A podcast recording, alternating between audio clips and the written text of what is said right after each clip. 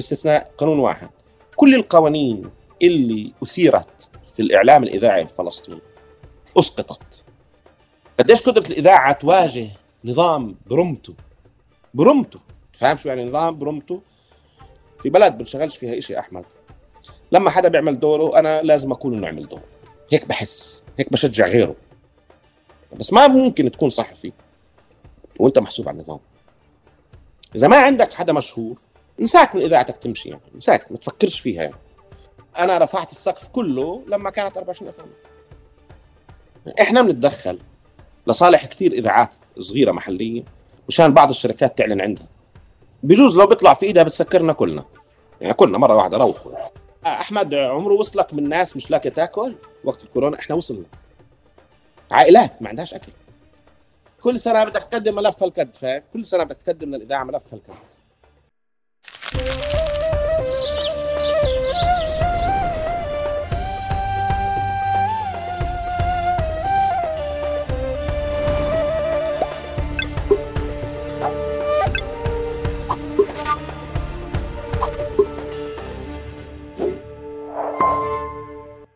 مرحبا واهلا وسهلا فيكم في حلقة جديدة من بودكاست تقارب حلقتنا اليوم مع العزيز إيهاب الجريري.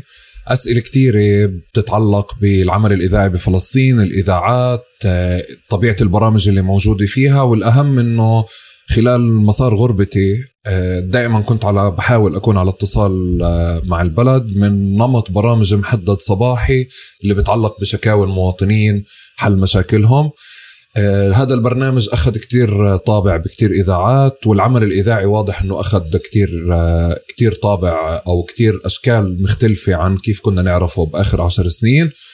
عن هذه المسارات ومسار إيهاب تحديدا نحكي اليوم. مرحبا يا إيهاب. هلا بيك أحمد هلا. يسعد صباحك. صباحك يا رب كيفك؟ أنا حاسس بتحدي إنه أصلا يعني آه إنه كيف إيهاب بده يكون كضيف يعني كيف بده يكون هيك ضيفه بده يفتح قلبه. أنا بحب أكون ضيف بصراحة لأنك بتكون مرتاح أكثر okay. آه طبعا. أهلا وسهلا فيك. أنا بالعادة ببلش البرنامج بترك الضيف يعرف حاله. غير كل التعريفات اللي ممكن الناس تقرأها على جوجل أو في أي panel أو أي ورش. يعني بعرفش إذا سهل الواحد يعرف حاله بس أنا أب متزوج من إعلامية زوجتي مي أبو عصب. وشريكتي في كل شيء في الحياة في الشغل وفي الشركة كمان. بس هي رئيس مجلس إدارة أنا موظف هناك. وعندنا ثلاث أبناء دائر 18 سنة صبا 16 وكندا أربع سنين. بشتغل بالصحافة من 12 سنة تقريبا. وعندنا أسسنا أنا وزوجتي إذاعتين. إذاعة 24 FM بالعربي من ثمان سنين وإذاعة Jerusalem 24 باللغة الإنجليزية من سنة ونص تقريبا. okay. خلاص هيك؟ كفي. يعني ما زلت طالب رجعت طالب. أه بعمل ماجستير جديد أه على وشك إني أخلصه في الإعلام الرقمي في جامعة القدس. وأنا خلصت إعلام وإذاعة وعلوم سياسية من جامعة بير زيت ماجستير دراسات دولية من جامعة بير زيت والآن في الماجستير الثاني تبعي في الإعلام الرقمي جامعة القدس. okay. إذا إذا بدنا نرجع قبل هذا كله ونشوف إيهاب اللي هو خارج نطاق الإعلام آه يعني إيهاب اللي إحنا بنشوفه اليوم كيف تشكل نشأته؟ أنت وين خلقت؟ وين نشأت؟ آه أي بلد سكنت؟ أنا نشأت في دير جرير شرق رام الله وعشت في بيت كله سياسه أبوي كان ناشط سياسي واعتقل أكثر من مرة. وأمي كانت كمان ناشطة سياسية الله يرحمها وخاضت غمار العمل السياسي والنقابي سنوات طويلة. وانخرطت في السياسة يمكن وأنا في صف يا ثامن يا تاسع مش متذكر مزبوط وأسسنا في المدرسة في صف عاشر كنت أسسنا اتحاد طلبة. ولاحقا استمر نشاطي في الحركة الطلابية طيله فترة دراستي في جامعة بير زيت من ال 97 ل 2001 تقريبا. وكل حياتي في البداية يعني أنا قلت 12 سنة اشتغلت إعلام بس قبلها تماما اشتغلت 15 سنة في السياسة تماما. يعني كنت كل حياتي سياسة. وتركت هذا العمل واتجهت نحو السيا... نحو الإعلام تقريبا في 2008 آه 2008 يعني بالانتفاضة الثانية أنت كنت في السياسة أكثر. 100% أوكي. طيب إيهاب الجزء الثاني من السؤال كيف بتحبش الناس تعرفك؟ بصراحة ما عمره ما حدا يعني عرفني تعريف ما حبيته. آه بس الناس كتير بتركز على التعريفات. والناس بتحب تسمي حالها بأسماء معينة. حلو الناس كيف بتشوفك؟ بيشوفوك إعلامي يشوفوك إعلامي يشوفوك آه ناشط سياسي يشوفوك ناشط سياسي. إذا هم حابين يشوفوك هيك يمكن أنك تتقاطع معهم في محل معين بأشياء بيهتموا فيها أكثر من غيرها. وبالتالي في هاي اللحظة هم بيعرفوك هيك. آه لكن لا شك الناس بتعرفني صحفي أكثر شيء بدك نحط تسميات بنحط تسميات رئيس تحرير مدير عام ماشي هذا كله بشتغله بس بالأساس أنا صحفي. كل آه، لاحقا الأشياء هي تابعة لكوني صحفي مش لكوني رئيس تحرير أو حتى مدير عام. آه، بالأساس أنا صحفي بكتب كل رأس مالي هو في الكتابة. هذا ما أتقنه وهذا ما أعمله. يعني أنت لا تفضل فعليا المسميات الوظيفية المدير عام أو رئيس تحرير تفضل أكثر كونك صحفي أو تعريفك كصحفي؟ إيه والله آه مرات بتعرف بس مشان البرستيج بستخدمها أو مشان الاتفاقيات بستخدمها أو مشان يمكن ضرورة العمل بستخدمها آه إنما بالأساس التعريفات لا بتقدم ولا بتأخر. دورك بيعرفوه الناس وحجم شغلك بيعرفوه الناس وإنت بتعرف المهام الملقاة عليك. آه شو ما سميت حالك بالآخر؟ أوكي. طيب إيهاب أنا لطيف مبسوط إنه أنت بلشت قبل الإعلام بالعمل السياسي لأنه يعني بالعادة بضل أحفر في كل ضيف إنه كيف بلش سؤال فلسطين عندك كمشكلة؟ بمعنى بجرب أشوف شو القصة أو المشكلة أو المشهد أو الصورة اللي آه، خلت فلسطين مش مجرد رموز أو ثقافة إحنا بنعيشها هي مشكلة شخصية عندك أو الاحتلال مشكلة شخصية. فإذا بترجع لنشأتك وطفولتك. أوائل صوري يعني أقدم صور اللي بتذكرها هي باب السجن بصراحة. يعني كنت رايح أنا وأمي زيارة على أبوي في السجن ومنعونا نزول يعني رجعونا. فأنا بتذكر هذا أقدم صورة عندي آه، في طفولتي. بعرفش قديش كان عمري مشان أكون صريح مش بتذكر آه، لاحقا أنا كنت كثير بصحى على الجنود فوق رأسي في دير جرير آه، وأنا نايم يعني بصحى بفتح فبشوف جيش فوق رأسي. بعدين تعودت لأنه هدول رايحين جايين عارف؟ بعدين شوي تطور الإشي أكثر آه مع حرب الخليج الأولى بصراحة والمنع التجول وعدد الجنود اللي في الحارة و... وكل الاهتمام بالأخبار والإعلام اللي عم بيصير. بس أنا يعني أصحابنا بيشتغلوا سياسة الناس بيشتغلوا سياسة الناس بتيجي تاخذ إعلام وبتطلع أو على برش وبتطلع من البيت. أبوي في السجن أمي آه، مدرسة بيانات شباب الانتفاضه الأولى كانوا كلهم في البيت. وأنا انخرطت في هذا العمل وأنا طفل طفل تماما يعني. آه، لأنه هيك الحالة كانت بكل بساطة. آه، ومن هناك بلش الاهتمام بالسياسة وبلش الاهتمام بالعمل العام. لأنه العمل العام مش بس سياسة يعني التحديات اللي امام المجتمعات المحلية كبيرة. تبلش توعى وتكبر خاصة يعني بعد تخ... ما تخوض تجربة الحركة الطلابية بصير في أشياء أنت بتحس إنه لازم يكون لك دور فيها. البلد النادي المجلس الشوارع الزيتون التنظيم الأشياء كلها بتصير تحس إنه ما بزبط ما يكون لكش دور فيها فبتصير تفتش على دورك فيها. طب إيه، معلش رجعني للمشهد اللي على باب السجن. أنت بتفكر هذا أول مشهد هزك كطفل وعمل لك يعني أثر فيك؟ بعرفش إذا هو بس أكثر شيء أنا بتذكر في طفولتي هذا يعني أبعد صورة إلي هي هاي الصورة. وهذه اللي اللي عملت حولت سؤال فلسطين غيرته لشكل ثاني ولا سؤال الاحتلال؟ بتخيل يعني كل شيء تنساش إنه في الانتفاضة الأولى الانتفاضة الأولى كانت انتفاضة انخرط فيها الجميع والناس مش مثل اليوم. اليوم العمل السياسي تقريبا يا عند النخب في الأحزاب يا في الشباب اللي آه، متنظمين. بس قبل في الانتفاضة الأولى هذا كان كل الناس. النجارين الحدادين الطريشة آه، المزارعين هم اللي كانوا صلب الانتفاضة الأولى. فكل الناس منخرطين. يعني قليل في ناس ما لهاش علاقة في اللي بصير في المحيط. آه، خاصة مع المواجهات الأوسع لما بصير في شهيد أو لما بصير في اقتحام. ودير الجرير كانت كانت طريق رئيسي للمستوطنين. بمعنى يوميا في مواجهات يوميا بتسمع إطلاق نار. يوميا في جيش يوميا في مستوطنين. أه بتذكر كمان من في المدرسة ناسي أي صف كنت يمكن سادس خامس أه أه إحنا كنا كمان بنطلع نرمي حجار ويومها كل إسرائيل استنفرت لأنه ضاعوا ثلاث جنود في دير الجيل وهم بيطاردوا في أولاد المدرسة يعني. وطيارات وجيش وحاصروا البلد و... وهذا إحنا إحنا أولاد صغار إحنا عارفين إنه إحنا يعني الناس تعرفش مين بالضبط. بس لا شفنا بعض لنص الليل التقينا يعني من الصبح لنص الليل ترجعنا تجمعنا كأولاد مدرسة. وإحنا عارفين إنه كل هاي الضجة إحنا اللي عملناها. الجيش لحقونا وطردونا في الجبال وبعدين ضاعوا وجابوا كتائب تدور عليهم وضلهم لنص الليل بفتشوا عليهم تلكوهم يعني. فإحنا كنا عارفين إنه هذا إحنا. فأنت بتصير تحس إنه أنت يعني أنت ولد صغير في صف خامس وبتعمل كل هاي الضجة. كل هاي الضجة بتعملها. okay. طيب إيهاب دير جرير أنا ولا مرة كنت فيها. آه كيف توصف لي إياها أو توصفها لناس ما ما شافوها ما عرفوها ما كانوا فيها قبل هيك؟ احكي لنا عنها شوي. دير جرير شرق رام الله. آه دير جير في شرق رام الله بلد صغيرة نسبيا أو متوسطة إذا بدك في قرى رام الله لأنه قرى رام الله تعداد سكانها مش كبير. آه بتتوسط كفر مالك الطيبة وسلواد. هي في ال... وهي في الطريق لأريحة. وهذه كانت الطريق الرئيس الوحيدة باتجاه أريحة واتجاه الجسر عمليا. آه وهي جبلية البلد جبلية. عمليا قائمة على جبلين ثلاث. ثالث مصدرينه الإسرائيليين. جزء منه آه مركز استراتيجي للإسرائيليين آه للكشف المبكر عن الصواريخ الجاية من كل الشرق. واسمه تل العاصور وهذا كانوا الإسرائيليين منه بواجهوا الصواريخ الجاية من العراق.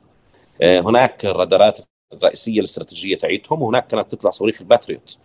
ودير جرير يعني بلد سكانها مقسومين بين الخليج وأمريكا وبين دير جرير ولكن أكثر شيء بيميز البلد إنه شبابها بيحبوا يشتغلوا. يعني من من نمط القرى اللي شبابها بيحبوا يشتغلوا. يعني قليل فكرة البطالة قليلة. فكرة إنه الناس مش لاقية شغل قليله اشتغلوا في الداخل اشتغلوا في في أراضيهم واشتغلوا في كل محل اجمالا. شوي متعصب البلد شوي عائليا يعني العائلات شوي متعصبة وهو ميزة صعبة في البلد هاي كانت وما زالت. يعني بتعرف بتتفاوت. فترات بتحس العصبية والعائلية بتشد الناس وفترات بتحسها لا مش شادة الناس. ولكن أهل البلد بيشتغلوا. يعني بيبنوا مدرسة بيبنوا جامع بزفتوا شوارع بيشتغلوا بتبرعوا بيشتغلوا ما بيستنوش يعني. وهذا ميزة منيحة فيها. قديش لك ساكن برام الله؟ مش عاجبها الجواب. تفضلي مش عاجبها الجواب. آه, آه لا لا معلومة مهمة. فكرة حكت لي عنها. والله معلومة مهمة ما بتذكرني فيها. أنا كنت أنا أنا أنا لازم أنوه لازم أنوه إنه مي فعليا بكواليس التسجيل يا جماعة وهذا يدل يبدو على أسئلة كثير لقدام هي شغلة. أنت غلطان غلطان. كواليس كل حياتي. هاي هاي هاي شغلة. استنى شوي. ليش مش حالق بتقول لي قبل شوي. ليش مش حالق هيك بدك تطلع. هيك بس لا هاي التفاصيل. اللي ماي دائما بتنجحني فيها. يعني التفاصيل هاي ما سرها. آه, آه معلومة مهمة كثير صحيح أنا كنت رئيس مجلس قروي في دير جرير وعمري 26 سنة. okay. تعرف يعني. عمري 26 سنة. بدك تعرف شو يعني رئيس مجلس قروي عمرك 26 سنة. معكش ولا شيكل في الصندوق وبدك تشتغل. فاهم؟ بدك تشتغل في في ظل جو مكهرب يعني فاهم؟ لما العائلات تأخذ المجلس القروي في أول انتخابات بتصير من الأحزاب بدك تعرف حجم التوتر الموجود في البلد وحجم يعني العدائية اللي تجاهك في البلد. وآه إحنا قعدت سنتين تقريبا رئيس مجلس قروي ما هي شافت الويل فيهم في الاجتماعات والناس والأراضي واللي حردان واللي زعلان واللي بده يزفت واللي يحط ضوء. قصة طويلة عريضة يعني. كونك تكون رئيس مجلس قروي عمرك 26 سنة تحدي له أول وملوش آخر في بلد زي دير الجير أو في أي محل على فكرة. لأنه الناس ما بتستناش وبترحمكش وبعدين بس أنت كي ليه هيك صار معه؟ ليش؟ ليش صار؟ معي ليه ليه ليه صرت رئيس مجلس قروي ب 26 سنة؟ بعرفش لأنه أنا كنت نشيط في البلد وكنت نشيط في النادي. في العيلة إذا بدك الصراحة في العيلة مشان أكون كثير دقيق.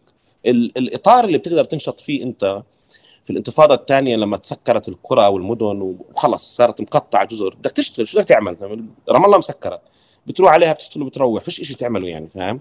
فشو تعمل؟ أنا بعرفش اقعد فكان لازم أنشط في العيلة وفي النادي وأرمم آه، بيوت قديمة ونلم تبرعات نشتغل كثير أشياء وبعدين النادي كان مهم أهم شيء قبل ما تصير انتخابات القرويه بس لما بتصير انتخابات مجلس قروي بصير النادي ولا شيء بتصير بدك تروح على الانتخابات الأهم اللي هي مجلس قروي ففجأة أنا صرت عضو صرت رئيس مجلس قروي لأنه هيك القوائم okay إيهاب أنت كم لك في رام الله؟ ساكن برام الله؟ آه، 2009 2009 okay نعم. شو بتفتقد في دير جرير؟ يعني على مستوى نمط حياة ما بين رام الله و يعني بعد ما توفت أمي بصراحة مش كتير آه، برغب أفوت البلد إلا في المناسبات المضطر أروح عليها عشان أكون صريح. يعني بروح على دير الجير لأنه بتعرف آه، الأصدقاء والعيلة. والواجبات اللي ما بتقدر ما تروحش عليها خاصة العزيات. أنا حدا بيطنش عزا يعني بس عرس ما عنديش مشكلة ما أروحش يعني ما ولا بتفرق معي ما بروحش. بس بعد ما توفت أمي بحبش أفوت البلد مشان أكون صريح لليوم ما بحب افوتها بس بروح يعني بتعرف في المناسبات في اعياد في يعني بس بطلت نشيط فيها بطلت أشتغل شيء فيها وبعيد عن الجو العام بشكل عام. وبتحب رام الله؟ آه طبعا بحب يعني لا شك إني بحب آه، ليه ليه رام الله بتنحب؟ لأنها بتنحب لأنها بلد جميلة. آه، وبصراحة أنا بحب إنه الحياة فيها سهلة. يعني سهلة بمعنى البلد صغيره آه، شغلك قريب آه، تجيب اولادك قريب والناس لطيفين اجمالا. يعني اجمالا الناس لطيفين. آه، بتعرف كل الناس. بتعرف صاحب الدكان وصاحب المطعم والشغل بتعرف رئيس البلدية وبتعرف الشرطي وبتعرف كل الناس. فأنت ماشي في هذا الجو اللي الناس بتقول لك صباح الخير كيفك؟ صباح الخير كيفك؟ فاهم؟ هذا جو لطيف اجمالا يعني. وأنا بحبه. يعني بحبش المدن الكبيرة والمعجوقة واللي بدك ساعتين فيها مشان تنتقل من الشمال للجنوب. هون أكثر مشوار في عز الأزمة كلها خدش منك ربع ساعة ثلث ساعة يعني. فهي سهلة بسيطة ولطيفة اجمالا. جوها حلو بحب تضاريسها أنا البلد. أه بحب نمط البنى القديم اللي فيها وبحب إنها صغيرة. أوكي. مع السنين قاعدة بتكون أسهل ل... ل... على الناس أو أصعب؟ مع إنك أنت من. من الختايري ختايرة رام الله يعني. لا ولا ختايرة رام الله أنا ختيار بس مش من ختايرة رام الله يعني. لا القصد الناس يعني دائما رام الله في في أهل رام الله وفي ناس اللي نشأت وعاشت برام الله وفي ناس اللي إجت على رام الله وتجاربها مختلفة بس مع سنين عندي فضول أعرف يعني بت- بتصير أسهل أو أصعب للناس تيجي وتسكن فيها. لا بتصير أسهل. بعدين هذا إشي أنت بتحدده يعني إذا أنت بتتعامل مع المدينة إنك جاي تنام فيها وتروح فاهم علي؟ بيختلف إنك جاي تستقر فيها. مم. في فرق. ففي يعني في ناس بتضل بتحس إنه حياتها الاجتماعية أكثر هي وين وين نشأتها مش في وين هي ساكنة. وبالتالي طبيعي علاقتك مع المدينة ومع الناس اللي فيها هي مؤقتة بدها تكون. يعني أنت مش عم بتراكم ولا بدك تأسس ولا بدك تستثمر ولا بدك تعيش. أنت بتيجي بتنام مشان تشتغل. حتى لو انت وعيلتك كلكم ساكنين هون. بس إذا انت بتحس انها هاي مدينتك بتتعامل معها هيك بتصير كل تفاصيلها تهمك الشوارع فيها بتهمك لأنك عايش هون الزريعة فيها بتهمك الشجرة الجديدة اللي زرعوها بتهمك لأنك بتعرف إنه هاي انت عايش هون مش مؤقت هون يعني فاهم؟ إذا تغير شغلك رح تضلك عايش هون مش رح تترك هون وتروح فاهم؟ فأنت كيف بدك بت- بتتعامل مع المدينة؟ المدينة بتعطيك هذا المجال بصراحة. إذا بدك. وهذا من الأشياء الحلوة فيها. هي بتعطيك هذا المجال. هلأ أنت بدك إياه بدكش إياه هذا شيء بيرجع لك بس إذا أنت بتحس انت بتيجي على المدينة لأسباب مختلفة. أنا ومي اجينا على المدينة على رام الله لأنه إحنا عايشين بين رام الله والقدس لليوم. إيه، مشان التعليم بشكل أساسي. إيه، لأنه بدك تبحث عن فرص أفضل لأبنائك إيه، شو يتعلموا وين يتعلموا وكيف يتعلموا. وبدك أنشطة مش موجودة شو بدك تعمل؟ يعني ما بتقدر. ولا هو أريح لك تضلك في في دير الجيل وخلص. أريح شيء أوفر شيء وبصير معك مصاري منيح وبتراكم وبتشتري أراضي مثلا فاهم؟ لأنه الحياة كمان هون صعبة وال- والبيوت والشقق كتير غالية يعني كتير غالية. عشب وصبيه مثلي أنا ومي إجينا بدنا نعيش هون في بداية حياتنا يعني مش إشي سهل بالمرة. أوكي. طيب إيهاب صار واضح لي أنا من من شوية القصص اللي حكيت لي إياها بدير جرير وبالمسار السياسي إنه ليه ممكن تتفاعل مع مع هموم وشكاوى المواطنين أو شكاوى الفلسطينيين آه، في البرنامج. بس كل سؤال الإعلام إمتى حسيته أول مرة اشتغل معك أو انتكش معك؟ يعني شوف هو أنا كنت بشتغل أشياء في الإعلام وحلمي وأنا في المدرسة كان إني أفتح إذاعة. ولعلمك أول تجربة إني أفتح إذاعة كانت بدائية كثير آه، كنت صف 10 أو 11 فأنا وأصحابي إلي قررنا نفتح إذاعة. لأنه صديق إلنا جاب جهاز قلنا له شو هذا الجهاز؟ هذا هذا قال هذا جهاز بث إذاعة. جيبه حطه وصرنا نفتح إذاعة. لا عندنا خبراء ولا بنعرف شيء وصرنا بدنا نفتح إذاعة. كيف؟ ما بعرف. وصرنا نلاخم يعني بدنا نشغل الجهاز بدنا نبث إذاعة بدنا نشغل موسيقى بدنا نجيب ميكروفونات بدنا نجيب آه، لسه كانت الكاسيتات حتى مش سيديز لسه كانت الدنيا. بدنا نشغل إذاعة. وحضرنا كل شيء بيلزم مشان تشتغل إذاعة بس ما اشتغلتش الإذاعة. يعني ما صارش في بث يعني.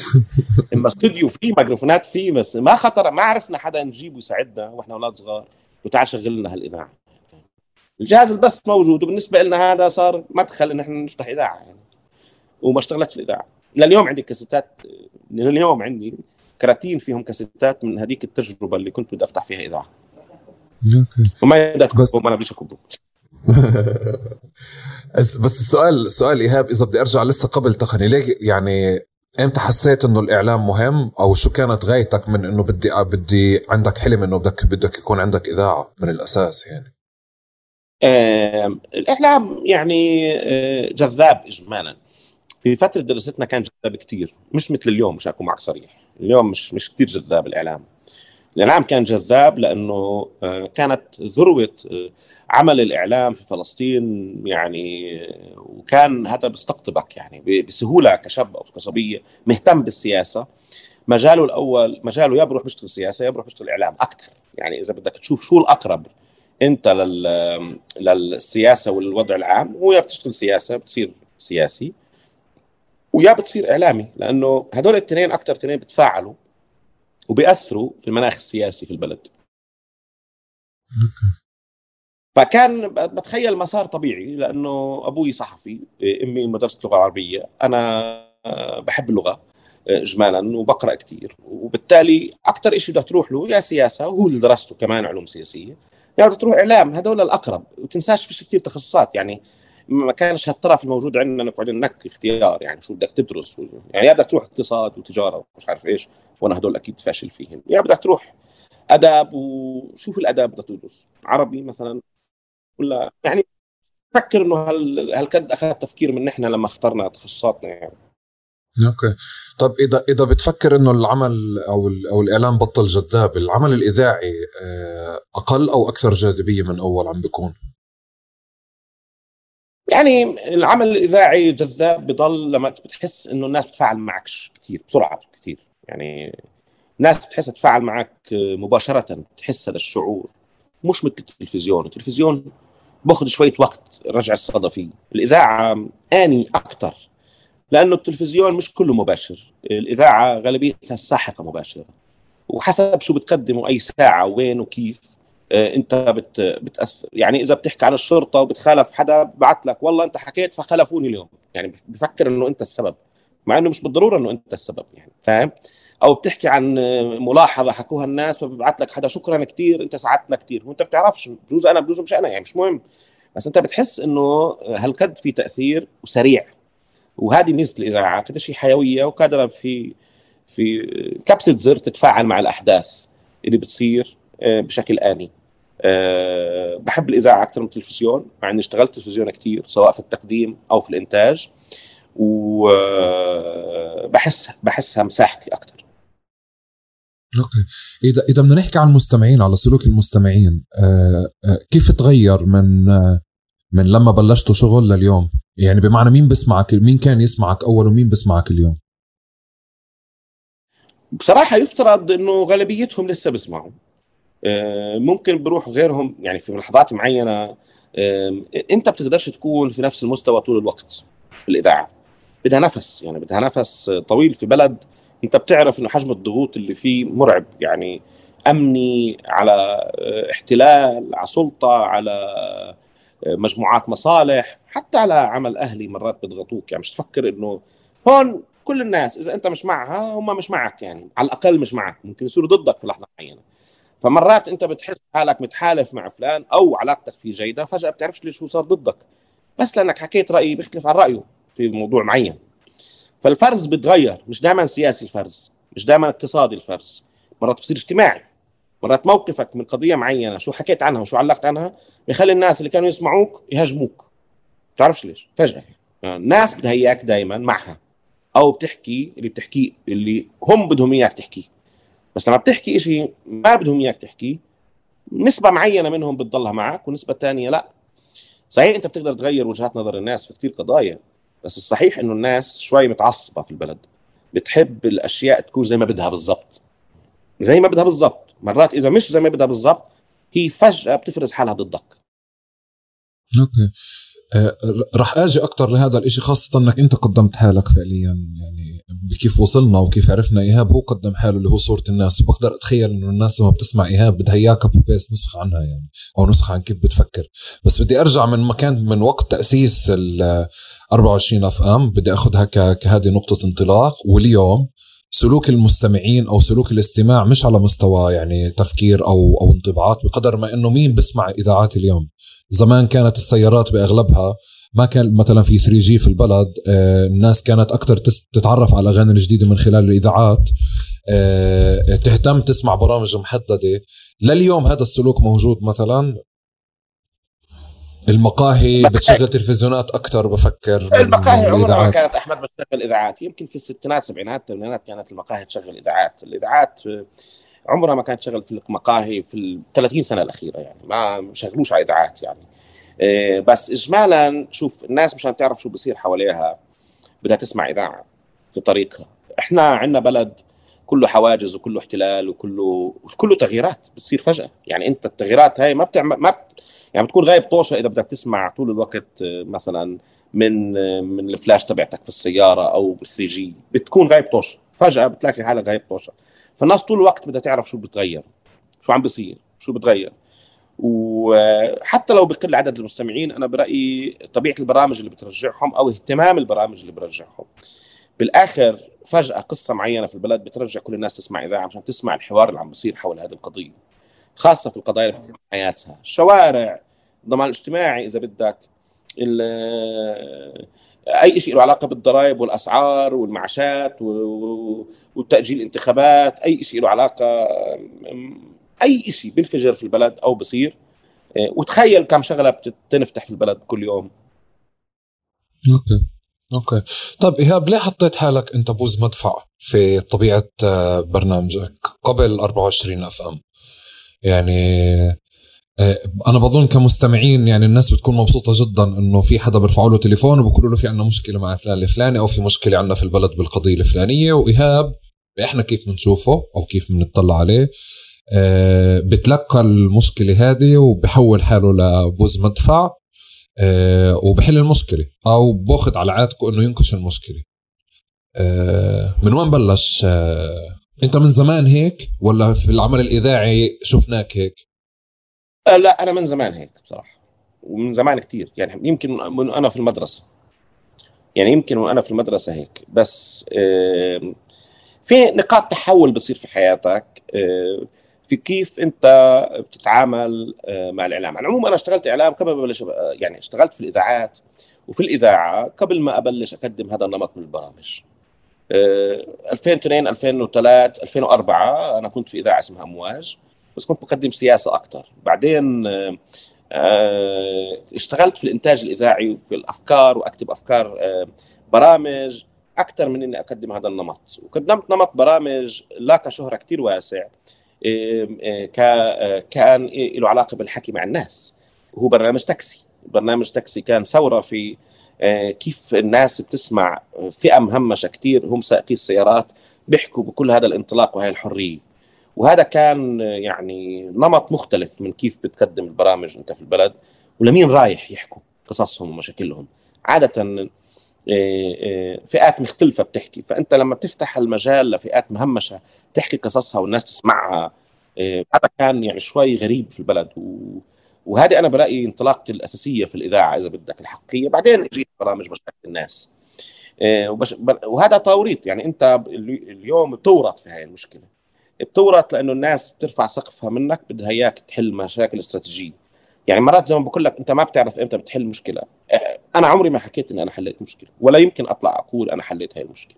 ناس بتشكرك بقول لك في المكتب يجوا يسلموا عليك حلت لهم هاي القصة فلان تحول أخذ تحويلته الطبية فلان أبصر شو عمله تراجع الوزير عن هذا القرار مش عارف إيش. بس إذا بدك التجربة الأساسية واللي أنا بشوفها مفصلية في حياتي الإذاعية كانت تجربة الضمان الاجتماعي.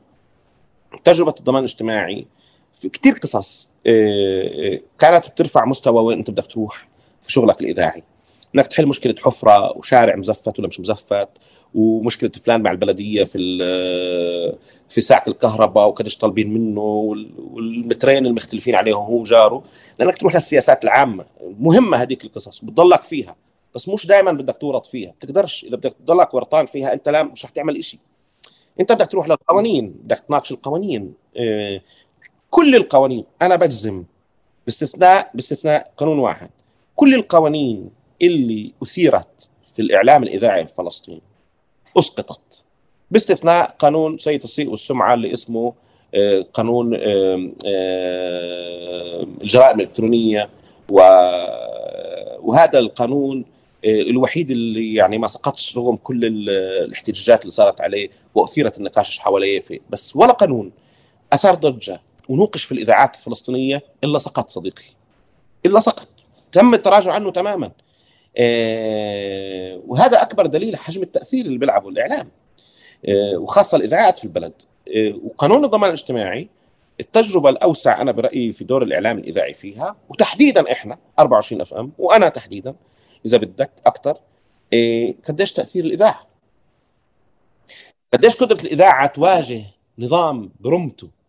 برمته فاهم شو يعني نظام برمته على مصالح على أمن على سلطة على رئاسة على رئاسة وزراء. هذا كانت آه، حتى على مجتمع مدني لأنه مشكلة الناس بتطلع على مصالحها الخاصة. هل هو بفيدني؟ آه اذا أنا معه. طب بس بفيدش الناس. حتى لو بفيدني على مستوى أنا مثلا كحدا شريك في شركة وأنا وزوجتي عندنا شركة. طب ما أحسن شيء الضمان الاجتماعي لنا إلي. بحط الراتب اللي بدي إياه بدفع عليه ضريبة وبعد 12 سنة بقبض الراتب اللي بدي إياه تقاعدي شو بدي أحلى من هيك؟ شو بدي أحلى من هيك؟ يعني شو بدي أحسن من هيك شيء بس الناس سؤال لما أنت عندك حد أدنى للاجور كان وقتها 1200 شيكل أو ل 1400 شيكل. 1450 شيكل. كيف تعمل؟ يعني بمجرد إنه هذا هو الحد الأدنى للأجور في البلد أنت لا يمكن لا يمكن يكون عندك نظام ضمان اجتماعي عادل. المشكلة هون في الحد الأدنى للأجور مش المشكلة في التفاصيل اللي جواه معناها مشكلة ثانية بس القصد طالما الحد الأدنى للأجور هيك شو مع جبت نظام ضمان اجتماعي ولن يكون عادل لهي الطبقات المسحوقة؟ وهون كانت مواجهة. نقاش الضمان الاجتماعي هو واحد من المحطات تبعت آه، يعني لايهاب رح أجي بتفاصيلها لأنه بهمني أعرف كيف الناس كيف وصلت لمحل إنه الناس بتشوفك ناطق باسم الحراك أو ناطق باسم يعني خلص أنت أنت العنوان أو الرمز لهذه المساحة. آه، بس بدي أرجع لورا شوي معلش خليني. كل هذه البرامج اللي هي تبعت شكاوى المواطنين بتعرف أنا مستمع جيد يعني. كل فترة بمسك إذاعة باش أسمع بالبرنامج تبعها وأظن هذا نمط موجود بفلسطين. أول سؤال عندي فضول أعرف هذا النمط إمتى بلش. ثاني شيء آه كيف صار ضرورة يكون هذا النمط من البرامج بكل إذاعة حتى لو البرنامج ما بمون على حاله؟ يعني بشوف برامج ما بتمون على حالها على الإطلاق و... وبشوف عن جد في إشي سيء جدا إنه إذا مش قادرين إحنا نغير قانون ما أو مش قادرين نسكر حفرة ما بنجيب حدا اللي مارك من جنب الحفرة بالبلدية عشان نبهدله. بس بالضرورة لازم حدا يتبهدل. آه، وإحنا بنكون شايفين إنه في ناس محددة هي المسؤولة عن هذه الحفرة وهي المسؤولة عن هذا القرار. آه، ولكن لا نجرؤ أصلا إنه نجيب سيرتها. فبكون أسمع إنه إنه شو دخل هذا الزلمة؟ يعني ليه هذا الزلمة بتبهدل؟ وفي شيء هاي فكرة إنه تصدر معلش اسمح لي تصدر حدا على التليفون تبليه يعني فجأة باتصال. وإذا ما ردك تقول ما ردش علينا وتكل قيمته. فصرت أحس إنه شوي البرنامج اللي أنا كنت أعرفه اللي الناس كانت يعني تتسابق بمحل بمرحلة ما أو طبيعة البرامج عشان تتصل لأنه عارفة رح تلاقي حل هون أو رح يصير في ضجة آه، صرت أنا بمكان بدي أصير ضده. يعني لا ضده إذا فعليا بده بس يبلش في الناس اللي ما لهاش علاقة أو ما بتتحمل مسؤولية. شوف آه إيه اليوم مؤخرا آه بلش ينحكى في العشر في شوف العشر في السنتين الأخيرات عن شيء بسموه صحافة الحلول. الاعلام في البلد أنا برأيي سابق كثير آه، الأكاديميين في الإعلام في البلد. الإعلام نفسه في البلد سابق كثير الأكاديميين. أنا والله بعثوا لي شارك في ورشة عمل قبل سنتين ثلاث شيء اسمه صحافة الحلول يعني. شو صحافة الحلول؟ يعني شو هي صحافة الحلول؟ رحت قلت لهم ما يعني هاي طب هذه مش صحافة حلول هذه صحافة مشاكل بصراحة. يعني إذا بتفكروا أن صحافة حلول غلطانين هي صحافة مشاكل مش صحافة حلول هي صحافة مشاكل مش بالضرورة تحل. انك إنه يحط حاله الواحد في محل إنه أنا بحل المشكلة. ها إيه مشكلة لأنك ممكن ما تحلها. فاهمني؟ يعني أنا ممكن ما أحلش المشكلة. طب أنا بس أنا بتعهد إني أحكي فيها. بتعهد إني أناقشها إنها توصل للناس. أنا مرة واحدة وعدت. وعد يعني على الهواء وتعرف تحمست وهيك. ومي ما خلتنيش انام الليل لأنه حكت معي عيلة ساكنين في براكس غنم يعني. وأنا وعدتهم إنه ابني لهم دار طب مي كل يومين تقول لي ما أنت وعدت الجماعة ما أنت وعدت على الهوا. من يومها أنا بوعدش. يعني بوعدش فعلا بوعدش. ورحنا بنينا دار يعني بنينا دار كامله فاهم؟ دار بكل ما فيها كل ما بخطر على بالك بيت. بس هذا عبء وضغط فاهم علي؟ وبخسرك بتتعب يعني. بعدين أنا بطلت أوعد. وبعدين أنا تعلمت درس ثاني من هاي البرامج إنه ما تصدق على طول. ما تأخذ المشكلة مسلم فيها. يعني أنت أنت سمعت مشكلة. وين الحلقة المفقودة فيها؟ ما بتقدر تعرف. ما بتقدر تعرف. لأنه ممكن حدا بده يورطك. ممكن حدا يعني تخيل يتصل مواطن ويقول أنا غلطان في واحد اثنين بس البلدية غلطانة في ثلاث أربعة. لا هو مش رح يقول إنه غلطان في واحد اثنين. هو بقول لك البلدية والبلدية وابصر شو مالها وابصر شو عملت لي. بس لما بتروح على التفاصيل لا. في بتلاقي المشكلة عليه مش على البلدية مثلا. فاهم؟ هلأ ليش الناس بتجيب حدا وبتحطه تحت التليفون؟ ليش يرد عليك يعني؟ ليه أنا بتصل فيك؟ إذا أنا مش معطيك موعد قبل بيوم ليش ترد علي يعني؟ ليش لازم تكون جاهز وترد علي؟ واحد. اثنين ممكن نكون أنا وياك متفقين تطلع مع التليفون وأرن عليك وما تردش. مش ضروري أنا يعني أقول إنه عمدا ما ردش. إذا تكررها مرتين ثلاث بكون عمدا بس ممكن يكون عنده شيء صار يا زلمة. فاهم علي؟ مش الناس مش منظمة هالكد ممكن يقول لك بطلع معك بكرة الصبح ما ردش عليك. طب رجع لك اعتذر. إذا هو الزلمة كان عنده أو ست أو كذا ضيف عنده مشكلة. يا مضغوط يا تأخر في الاجتماع مع الوزير يا بتعرف شو صار معه في يعني فبدك تعطي عذر للناس. إذا كررها معك آه تقدر تبهدله. بس إذا يعني ألو ليش ما ردتش علي؟ بزبطش يرد عليك. إذا إذا إذا مش متفق معه مش ضروري يرد عليك. مش ضروري هو قاعد بيستنى في أني اذاعه ترند له يعني. النقطة الأخيرة صديقي إيه للأسف إحنا إيه اليوم البلديات بنشوفها إنها دائما مقصرة. هي مش بالضرورة هيك. يمكن أنا لأن اشتغلت في مجلس قروي تجربته لا تقارن في ال ال شو اسمه البلديات الكبيرة بس كمان حجم الأعباء الملقاة على البلديات مرعب. يعني مرعب حجم الأعباء اللي, مل... اللي على عاتق كل بلدية كبيرة في البلد هو حجم مرعب بحجمه كعبء. في بلد هي أصلا ما بتدفعش مصرياتها للبلدية. ناس بتدفعش ضرائبها. حكومة بتدفعش اللي عليها للبلديات. ومطلوب منك تحول البلد لجنة. فاهم كيف؟ فمين اللي ممكن يخاف منك؟ عضو مجلس بلدي رئيس بلديه سهل تهاجمه مع إنه المشروع بيكون عند آه، وزارة الأشغال العامة مش عند البلديه مع إنه اللي فتح الطريق بيكونوا مصلحة المياه مش البلديه مع إنه اللي نسيوا يظبطوا بعرفش مين يعني مش هو. بس أسهل إشي أنت بتجيب آه، رئيس البلدية أو حدا من البلديه وبتهجم عليه وبتبين سبع على الهواء يعني سهلة كثير هو كيف قبل قبل كيف تبين إنك هيك قوي؟ تسترجيش تحكي مع الوزير هيك أو هو تسترجيش أو تحكي مع رئيس الوزراء هيك أو عن رئيس الوزراء هيك. فمين بتجيب بتجيب حدا من البلدية وبتستعرض عليه.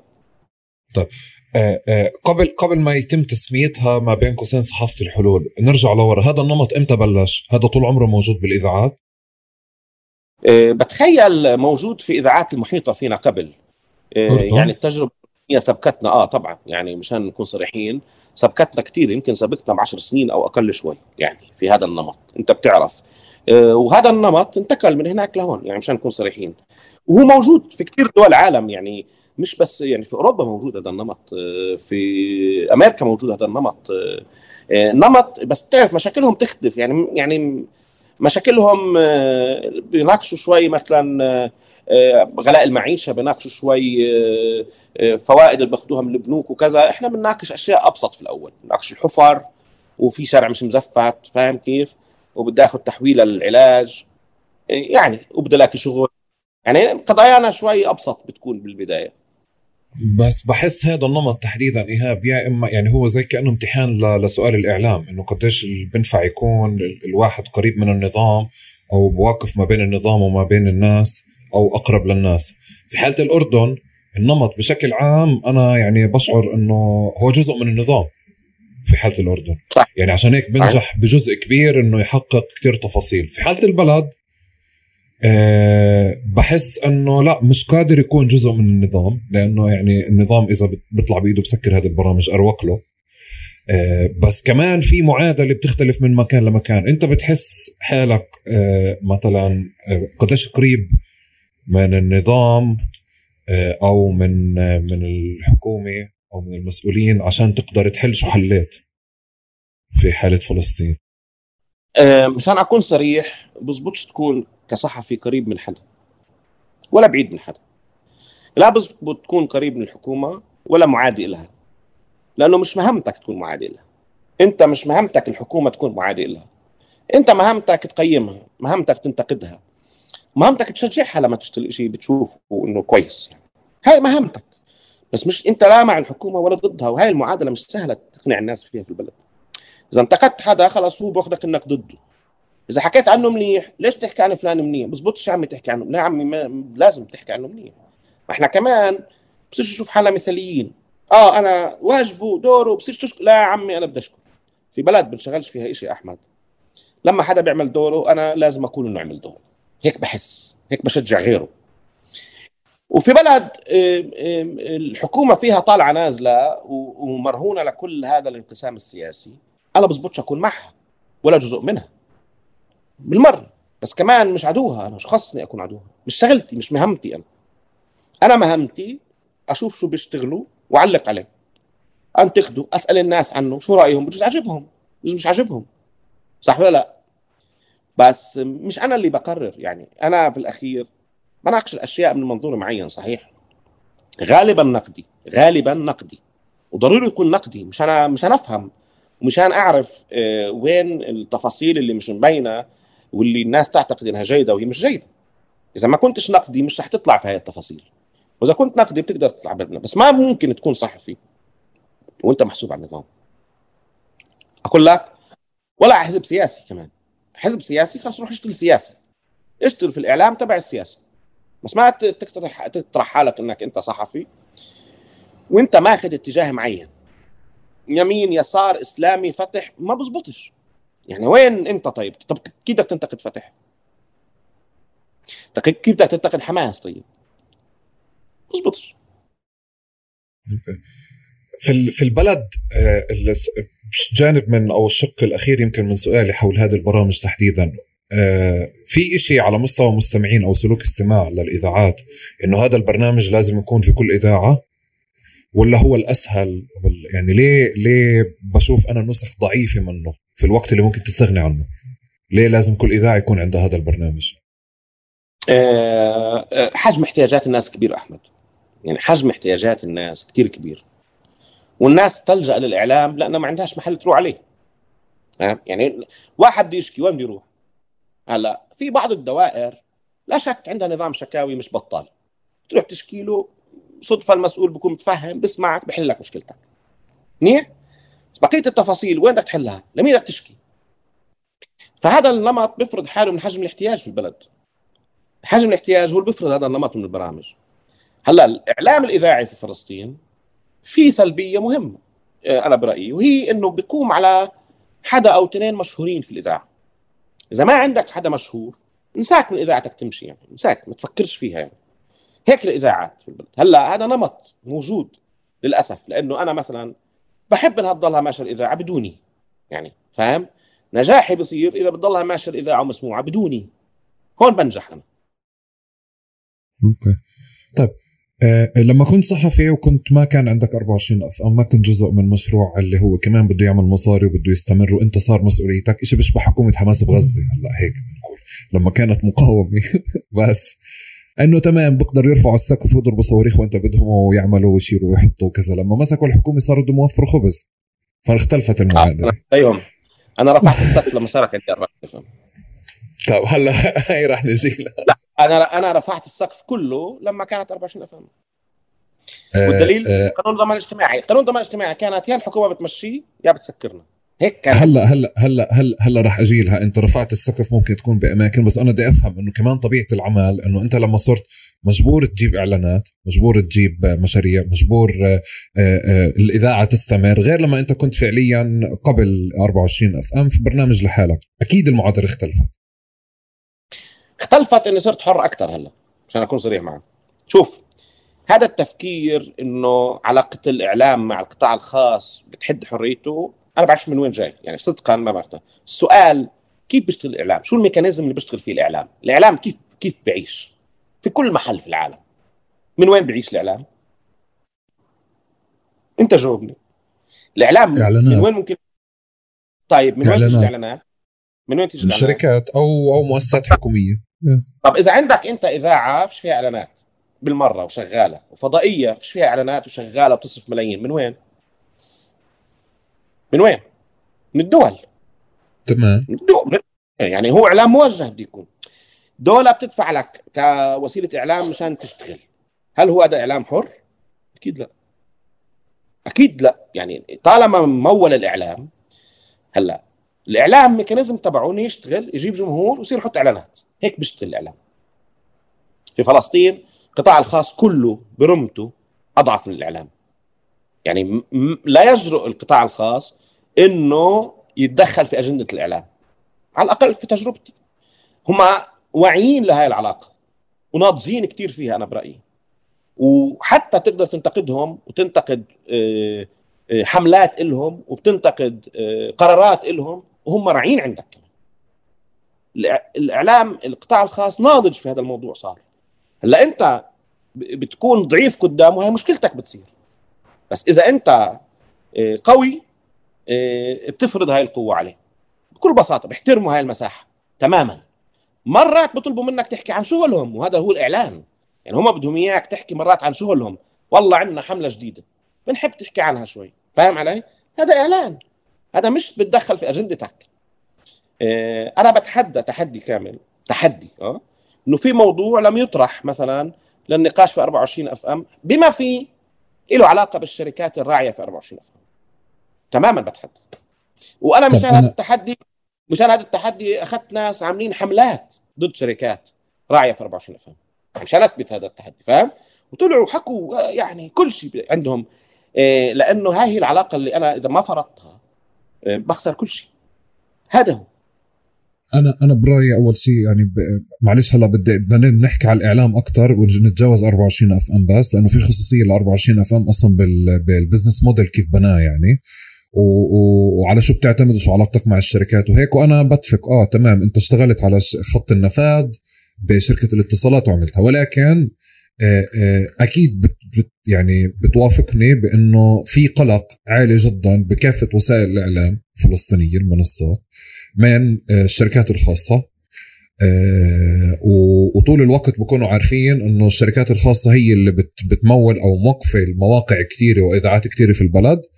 ففي طبيعة البرامج أو بطبيعة التفاصيل اذا إذا ما راعى الوسيله ما راعت الوسيلة الإعلامية كذا وكذا ما بيجيها إعلان. هذا إشي أكيد هلأ. آه، جانب منه بحلقة نديم الناشف في بودكاست تقارب جزء من النقاش تبع اللي هو رقابة الشركات الخاصة كنا نحكي عليها.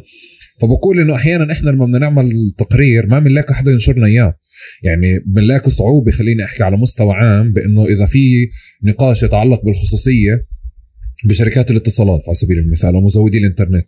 بكون في مشكلة في حملة مركز حملة اللي هو حقوق رقمية إنه يلاقي آه، مواقع آه، آه، كثيره أو الطبيعي إنها تنشر تنشر تنشر التقرير تبعهم. فمن هون جاي السؤال تبعي إنه آه أنا بس عشان كمان أحكي شيء إنه أنا بالنسبة لي إيهاب الجرير و24 FM استثناء هي مش شيء عام لأنه عملت معادلة وشيء ثاني في قوة انبنت وتراكمت على مدار فترة اللي تقدر توقف أنت قدام شركة الاتصالات. هم محتاجينك كمان. بس إذا أنت ما كنت يعني بدك تأسس بتنطحن في معادلة البلد. ما شوف إذا أنت مش واعي لدورك مش ضروري تفوت هذا المجال. يعني هي الفكرة إذا أنت بدك تشتغل هذا الشغل مشان يحنوا عليك في الإعلانات مش ضروري تشتغل. فاهم؟ وتنساش عندك النمط الثالث اللي همه ليل ونهار إيه، يسوق القطاع الخاص ويسوق سياساته أو يسوق أفراد. في الحكومة وفي الأمن يعني طب طب شو تقول؟ ما هو كمان إذا أنت مش واعي لدورك في كل محل في العالم في هذا النمط اللي إيه، اليوم حتى ما بيسموه صحافة بيسموه جورناليزم علاقات عامة العلاقات العامة إيه، إيه، فرضت وصارت مساحتها أكبر على بعض وسائل الإعلام نتيجة التغيرات اللي صارت في الإعلام الرقمي. الإعلام الرقمي امتص جزء كبير من قوة الإعلام التقليدي. جزء من هاي النتائج على الإعلام التقليدي الإذاعة والتلفزيون والصحف إنه صاروا مدراء العلاقات العامة في الشركات لهم نفوذ أكثر في وسائل الإعلام التقليدية عشان يحافظوا على العلاقة ويحافظوا على الفلوس للأسف. يعني جزء من تبعات وسائل التواصل الاجتماعي في العالم هي هذا الضعف اللي صار صار في عند وسائل التواصل وسائل الإعلام التقليدية فاهم؟ فصارت آه، دوائر العلاقات العامة في الشركات أكبر وأقوى وقادرة تأثر.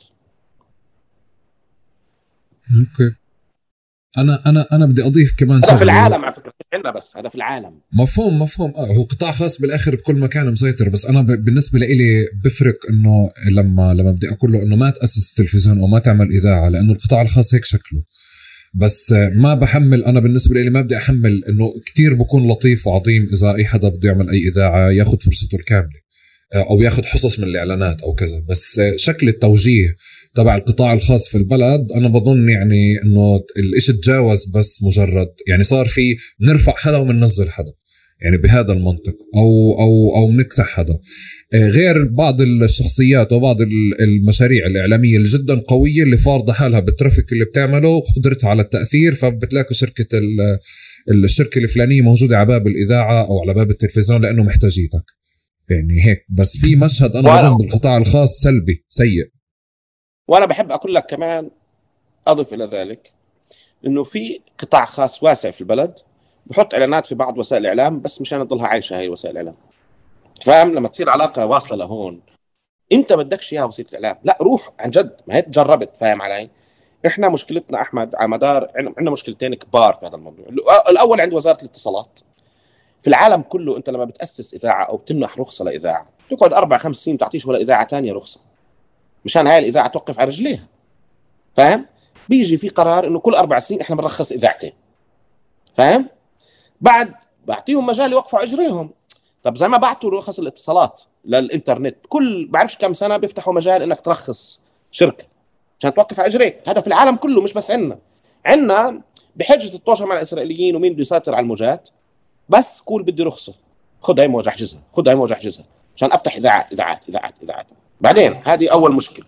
المشكلة الثانية عند المشاريع اللي دعمت الإعلام على مدار ال 20 سنة اللي راحت أكبر إنجاز من لهم كان إنهم يقولوا عملنا 10 إذاعات. عملنا 20 إذاعة. طيب بعدين؟ هاي دعموهم سنة. بعدين؟ فاهم بعدين؟ الحقوني بدي إعلانات مشان الله بدي إعلانات. إحنا بنتدخل لصالح كثير إذاعات صغيرة محلية مشان بعض الشركات تعلن عندها. مشان يضلهم عايشين. لأنه أنا يعني حصتي في السوق ماخذها فاهم؟ يعني إذا أخذت منك إعلان يا أحمد وأنت مدير شركة كبيرة مش حاخذ إعلان ثاني كمان. بس أقوى أنا لما باجي بقول لك فيهم إذاعة مرتبة ومحترمة وبصراحة مضمونها حلو يا أخي إعلن عندهم. أنا أقوى لما بطلب لغيري. أنا شو خسران؟ وليش؟ بالعكس أنا كسبان هاي العلاقة مع هاي الإذاعة. فاهم؟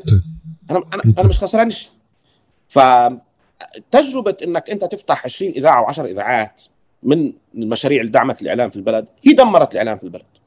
هي دمرته للاعلام في البلد؟ اليوم يا صديقي أقل إذاعة في فلسطين. اسمع. تكاد تكون أقل إذاعة في فلسطين. بس مشان تستأجر مقر. وتحط جهاز بث وبتدفع كهرباء وإيجار. تكاد توازي الاستثمار في إذاعة متوسطة في الأردن. إذاعة متوسطة في الأردن. ليش أقول؟ أصغر إذاعة في فلسطين أحسن من أكبر إذاعة في الأردن. استثمار مش أحسن كاستثمار كتكلفة. كتكلفة مشان تشتري جهاز البث وتجيبه لهون مشان تستأجر مقر مشان تعمل برج ومشان تحط خطوط فايبر للإنترنت ومشان يكون عندك كهرباء ها؟ أه؟ وشوية أثاث وهذا واستوديو تعمله هو يوازي اذاعه متوسطه في الأردن. أنا بحكي لأني شفت الإذاعات في الأردن يعني يعني شفت كثير إذاعات في الأردن. فتخيل الإذاعات الكبيرة في فلسطين قديش مستثمرة. قديش بكلفها الاستثمار.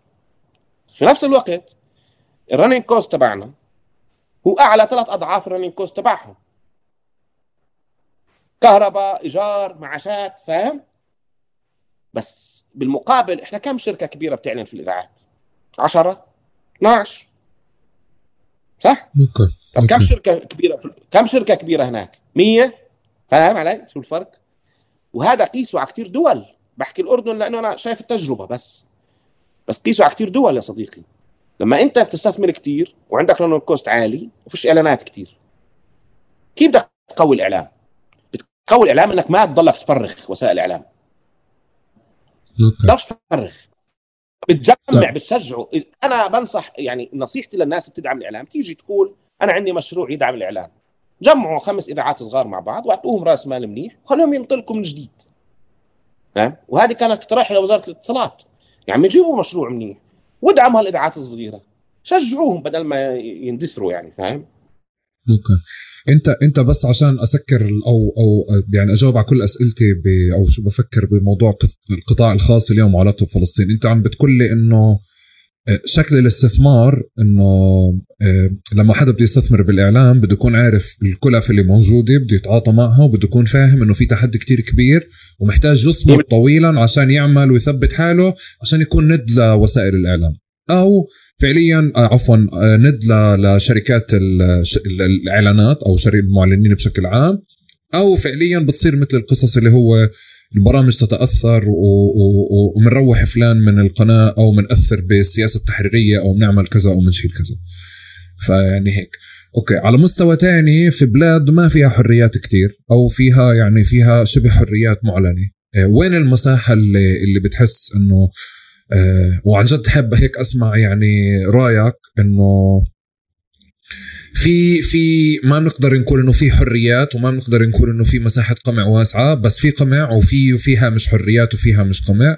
ما بقدر أعرف وين الهوامش بس قديش بتحس كمان إنه النظام أو أو السلطة والأجهزة الأمنية في في رمل في في مناطق الضفة الغربية تحديدا بتتحكم بشكل الإعلام أو بتأثر بشكل الإعلام بشكل عام. مش عم بحكي على 24 افراد أنا برأيي بتتحكمش بتأثرش. بجوز لو بيطلع في إيدها بتسكرنا كلنا. يعني كلنا مرة واحدة روحوا فاهم آه لو بيطلع في إيدها. بس بس ما بنقدر نغفل يا صاحبي إنه المساحة واسعة. وأنا بقول لك واسعة كثير هلأ هذا بيعتمد على كثير عوامل. اولا إذا أنت عن جد منحاز كثير باتجاه طرف سياسي ولا لأ. هذا بيحكم. اثنين قديش انت عندك هفواتك؟ بمعنى مرات مش الصراحة هي المهمة يعني مرات الصراحة والمصداقية المهمة كمان. يعني في صراحة وفي صراحة مع مصداقية وفي نزاهة بدك تكون نزيه. نزيه بدكش تكون بت يعني بتروج خلينا نقول آه، آه، أخبار مش دقيقة أو بتروج آه، نقاشات مش دقيقة. يعني بدك تكون صادق. كل ما ما زادت مساحة صدقك هم لا يعرفوا ما حدا بيقدر يجي يمسكك من إيدك. شو ما عمل؟ ما أنت مش غلطان. ما أنت بتحكي الصح. ما أنت فاهم علي؟ بدك صراحة أكثر عندنا خطين حمر في البلد كلها. الرئيس خط أحمر في الإعلام. منيح؟ والدين. غير هيك شوف يعني طب تحكي على جهاز أمني مسموح لك ولا لا؟ مسموح لك. صح ولا لا؟ تحكي على أنت كلي أنا بقول لك مسموح لك. ما هي روح شوف. مسموح لك تحكي على وزير؟ مسموح لك.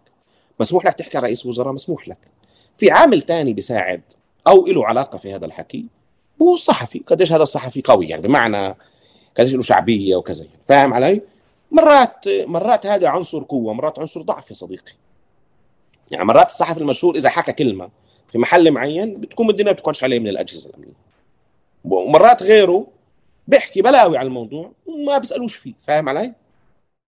بس أنت أنت إيهاب إذا بتطلع على الصورة من برا بمعنى طلاب الإعلام الجديد اللي بدهم يدخلوا هم اليوم لما بيجوا بتطلعوا عشان يعني آه، خلينا نتجاوز أو أو نتجاوز كل الإرث أو التراكمات اللي صارت سابقا. إذا حدا تخرج من كلية الإعلام من جامعة بيرزات وبده يشتغل بده يدخل مجال الصحافة الاستقصائية. أنا بظن هوامشه كتير قليله مش شوي يعني مش بظن متأكد. ففعليا هذا موضوع ثاني هذا موضوع ثاني الصحافة الاستقصائية في البلد تحتاج لثلاث عوامل أحمد مشان تنتعش. واحد قانون. إنه أنا بقدر أجيب المعلومة منك. منيح؟ حق أخذها منك. اثنين بدك يعني بدك تدريب لأنه إحنا مش كثير ثلاث بدك طاقم بدك مصاري فاهم؟ ليش الصحافة الفلسطينية بتشتغل استقصائي؟ كيف بدها تشتغل استقصاء يعني يعني إذا إحنا كلنا سبع ثمان موظفين كيف بدي افرغ خمسة منهم يشتغلوا بقى تحقيق من هون لست أشهر تسلمونية؟ فاهم؟ ليش بتشتغلوش استقصاء من وين؟ كيف؟ بس بحكيش عنك إيهاب معلش اسمح لي بحكي قاعد على طالب. لا أحمد لا. بحكيش عني أنا بحكي بشكل. عام. كيف أي وسيلة إعلام فلسطينية؟ كيف تشتغل تحقيق استقصائي وهي مواردها محدودة. مش أنا أفرغ خمسة ستة يشتغلوا على التحقيق هذا يطلعوا يعطوني إياه بعد ست أشهر. من وين؟ بدي أجيب خمسة ستة يتفرغوا. ما هو ما هذه النقطة مهمة. طيب اثنين ما عندك قانون أجبر شركة أو مؤسسة تعطيني المعلومة. فيش قانون. بدون قانون بقدرش أقول. ما هو ما فيش مش موجود. يا زلمة اليوم بسجنوك إذا شفت وثيقة شوف هيك طلعت عليها أنت تنسجن مش هيك القانون اللي طلع تبع آه، جرائم إلكترونية. هيك إذا أنت شفت وثيقة شفتها هيك بالغلط واحد فرجاك اياها على تليفونه ممكن تنسجن أنت. شو بدك أكثر من هيك؟ انو استقصاء فاهم؟ يعني هلا لا لا أنا, قضايا أنا, أنا ذكر أنا ذكرته مثال لا لسه أنت اليوم تحسب الكلف بمعنى إنه أنت مثلا ما عندك كلف إنك أنت تقدر وما في قانون بس أنا بفكر إنه إيه، إذا إجالك على سبيل المثال مثلا إيه، رقم ما إنه خذ هذا على مدار السنة اعملوا لنا خمس تحقيقات استقصائية جامدين مثلا مع بالشراكة مع أي حدا بتقدر تعمل إيه، في حالتك أو بتقدر. ولكن أنا عم بجرب أقول هاد أنت بتقدر تعمله نتيجة تراكم قوة ونتيجة تراكم حضور وتأثير على مدار السنين الأخيرة. ولكن اليوم الصحفيين اللي مش محتميين بمثل 24 FM أو X أو Y من المنصات الإعلامية آه، راح يكون المسار كتير صعب. ممكن حتى يتم اعتقاله وهو بيشتغل وإحنا ما بنعرف عنه.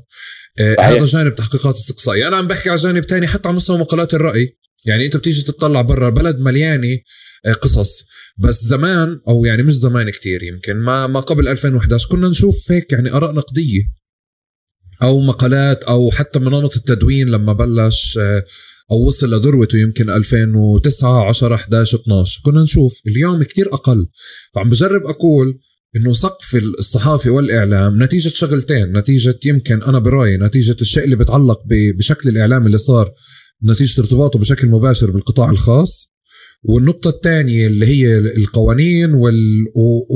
وهامش الحريات كتير صغير في البلد آه، بخلي طالب الإعلام يطلع يعني بالأغلب بفكر يصير مذيع أو مذيعة لأنه أسهل أو إنفلونسر آه، شوي أنا بختلف معك. شوف بالسنوات الأخيرة كتار شباب وصبايا صغار نجحوا بأنهم يشتغلوا مع وسائل الإعلام من البدايات يعني. نجحوا إنهم يقدموا نفسهم لوسائل إعلام مختلفة ومنصات مختلفة حول العالم العربي يشتغلوا معها وهذا كان منيح. ليش؟ لأنه في فرص عم بتصير. في فرص عم بتصير. وعم بيستقطبوا كثير شباب وصبايا صغار من البلد بينتجوا عندهم رؤية آه، بيشتغلوا بطريقة معينة آه، ال social media ساعدت كثير آه، الصحفيين الصغار والمتخرجين الجدد إنهم يعرضوا حالهم ويعرضوا إنتاجهم وطريقتهم بالشغل مع كثير وسائل إعلام. هذا ضدنا دير بالك. ليش ضدنا؟ لأنه أنت بيجيك شاب ولا صبية بتدرب عندك في الإذاعة. بتشوفه شاطر بتوظفه مثلا فاهم؟ هذا بعد سنتين ثلاث بعرفش مين بيجي بيعرض عليه شغل فاهم؟ فانت بتقدرش تدفع له يعني تنبسط تقول له روح بس بدك تصير تدور على غيره. فاهم علي؟ تقول له الله معك مبسوط لك بس أنا مش مبسوط يعني مش مبسوط إنه هو يعني في الأخير لما صار محترف اجى عرض فراح عليه. بس أنا ما بقدرش أدفع زيه يعني. يعني فاهم؟ إحنا عندنا بتدربوا عندنا بيشتغلوا في البدايات وبعدين تنفتح لهم ابواب هذا شيء طبيعي بعرف. بس إحنا ما عندنا القدرة نحافظ عليهم هدول الناس. فاهم؟ ترجع بدك تدور من جديد. تدور من جديد. تدرب من جديد. تفهمك يفهم سياسة التحرير تبعتك. يفهم أنت كيف تشتغل. بدك وقت. فإحنا دائما بنخسر الناس الشاطره طيب. آه مي لسه سامعتنا؟ لا ما مش هون طيب كويس. لما أسست 24 أف أم بدي أسأل سألنا على تضارب المصالح بكثير أشياء بس بتشعر هلأ هي هذا كويس اللي هي بتسمعه بالحلقة أو بتشوفه بالحلقة. آه، في تضارب مصالح ب... ب... بالنموذج اللي أنت عامله ما يعني بالشراكة بالعمل أنت وزوجتك؟ كيف؟ بسأل ما بعرف هذا بكل قوانين العالم في البزنس في تضارب مصالح إحنا أول شيء ما انشأناهاش لحالنا كان عندنا شركاء آخرين. يعني يعني إحنا كنا طرف من أربعة من أربعة في هذه الشركة. ولأسباب مختلفة إيه، لأسباب مختلفة لها علاقة بتوجهات الاستثمار. هل نستثمر في الإذاعة الانجليزيه ولا لا؟ طلعوا بعض الشركاء ولاحقا بعض الشركاء طلعوا لأسباب أخرى. فصفت الشركة إيه، يعني إلنا لحالنا. بس اجمالا ما كناش لحالنا. مشان أكون صريح الإعلام إذا أنت مش صحفي أو أنت مش إعلامي. آه؟ صعب تكون منخرط في هذا الجانب إلا إذا أنت بتنوي ما تتدخل فيه مطلقا. ها الخيار مين بنشئ عادة وسائل الإعلام؟ يا صحفيين يا رجال أعمال. يعني اللي بينشئ إعلام يا صحفيين الصحفيين أضعف لأنه ما عندهمش مصاري. ما معهم مصاري اللي مع رجال الأعمال. بس الصحفي عنده قدرة يعمل هاي الشركات ويعمل هاي العلاقات وينتج وتكون حر. لأنه رجال الاعمال دائما عندهم بالآخر في محل معين بقول لك وقف. هون وقف هون وقف هون وقف. آه أنا بوقف مرات لأني خايف. أنا بخاف برضه بعرف لما بتنفجر الدنيا ولما بصير التهديدات حقيقية وهذا ياما صار معي. آه فيش حدا راح يساعدك ولا حدا راح يحميك ولا حدا راح يعوضك ولا حدا راح يوقف معك. هذا إحنا متأكدين منه. نساك بتضامنوا معك على السوشيال ميديا هذا بيطعميش خبز. لما بيكون التهديد على حياتك حقيقي في محل معين. طيب هلا هذا رح نجي له هذا رح نجي له بس أنا بدي أرجع لمساحه آه عندي فضول أعرف طبيعة العلاقة في الشغل آه ما بين آه ندين. وأنا سامع لما كنت بسأل عن يعني أصدقاء اشتغلوا معكم ففي هيك طبيعة ما صار عندي فضول أسمع عنها أكثر بالشغل. أنت شو آه، بتغطي؟ مي شو بتغطي. وين وين بتتضاربوا أنا مشان أكون معك صريح إيه، ما انخرطت انخرطت تماما في في الشغل في الإذاعة بشكل كامل في الثلاث سنين الأخيرة. قبل هي كانت تساعد أو لأنها كانت بتدرس إعلام وبتشتغل في محلات ثانية بس بالثلاث سنين الأخيرة ماي مسكت قادت كل مشروع الإذاعة الإنجليزي. وأنا بتدخلش فيه إلا بالخطوط العريضة. آه، بتدخلش في الإذاعة الإنجليزي إلا في الخروط عندي اقتراحات بحكيها ما عنديش أنا ما بتدخلش يعني. ما حدا بيسألني ما حدا بيقول لي أنا مش صاحب قرار في الموضوع. وفعلا آه، بحترم هاي المساحة وبس بتبهدل على الأشياء التقنية اللي خربت أو ما زبطتش لأني أنا مسؤول عنها. إما غير هيك أنا ما لي علاقة يعني. هاي الاذاعه هي بتقودها من الألف للياء. هي مسؤولة عنها مسؤولة عن تقاريرها مسؤولة عن شغلها مسؤولة عن آه، ال follow up تبعها عن اجازاتها أنا مسؤول ما يخربش شيء. في الشغل logistic بتخرب أشياء؟ آه طبعا شغلك منيح آه, آه, آه ده بخرب.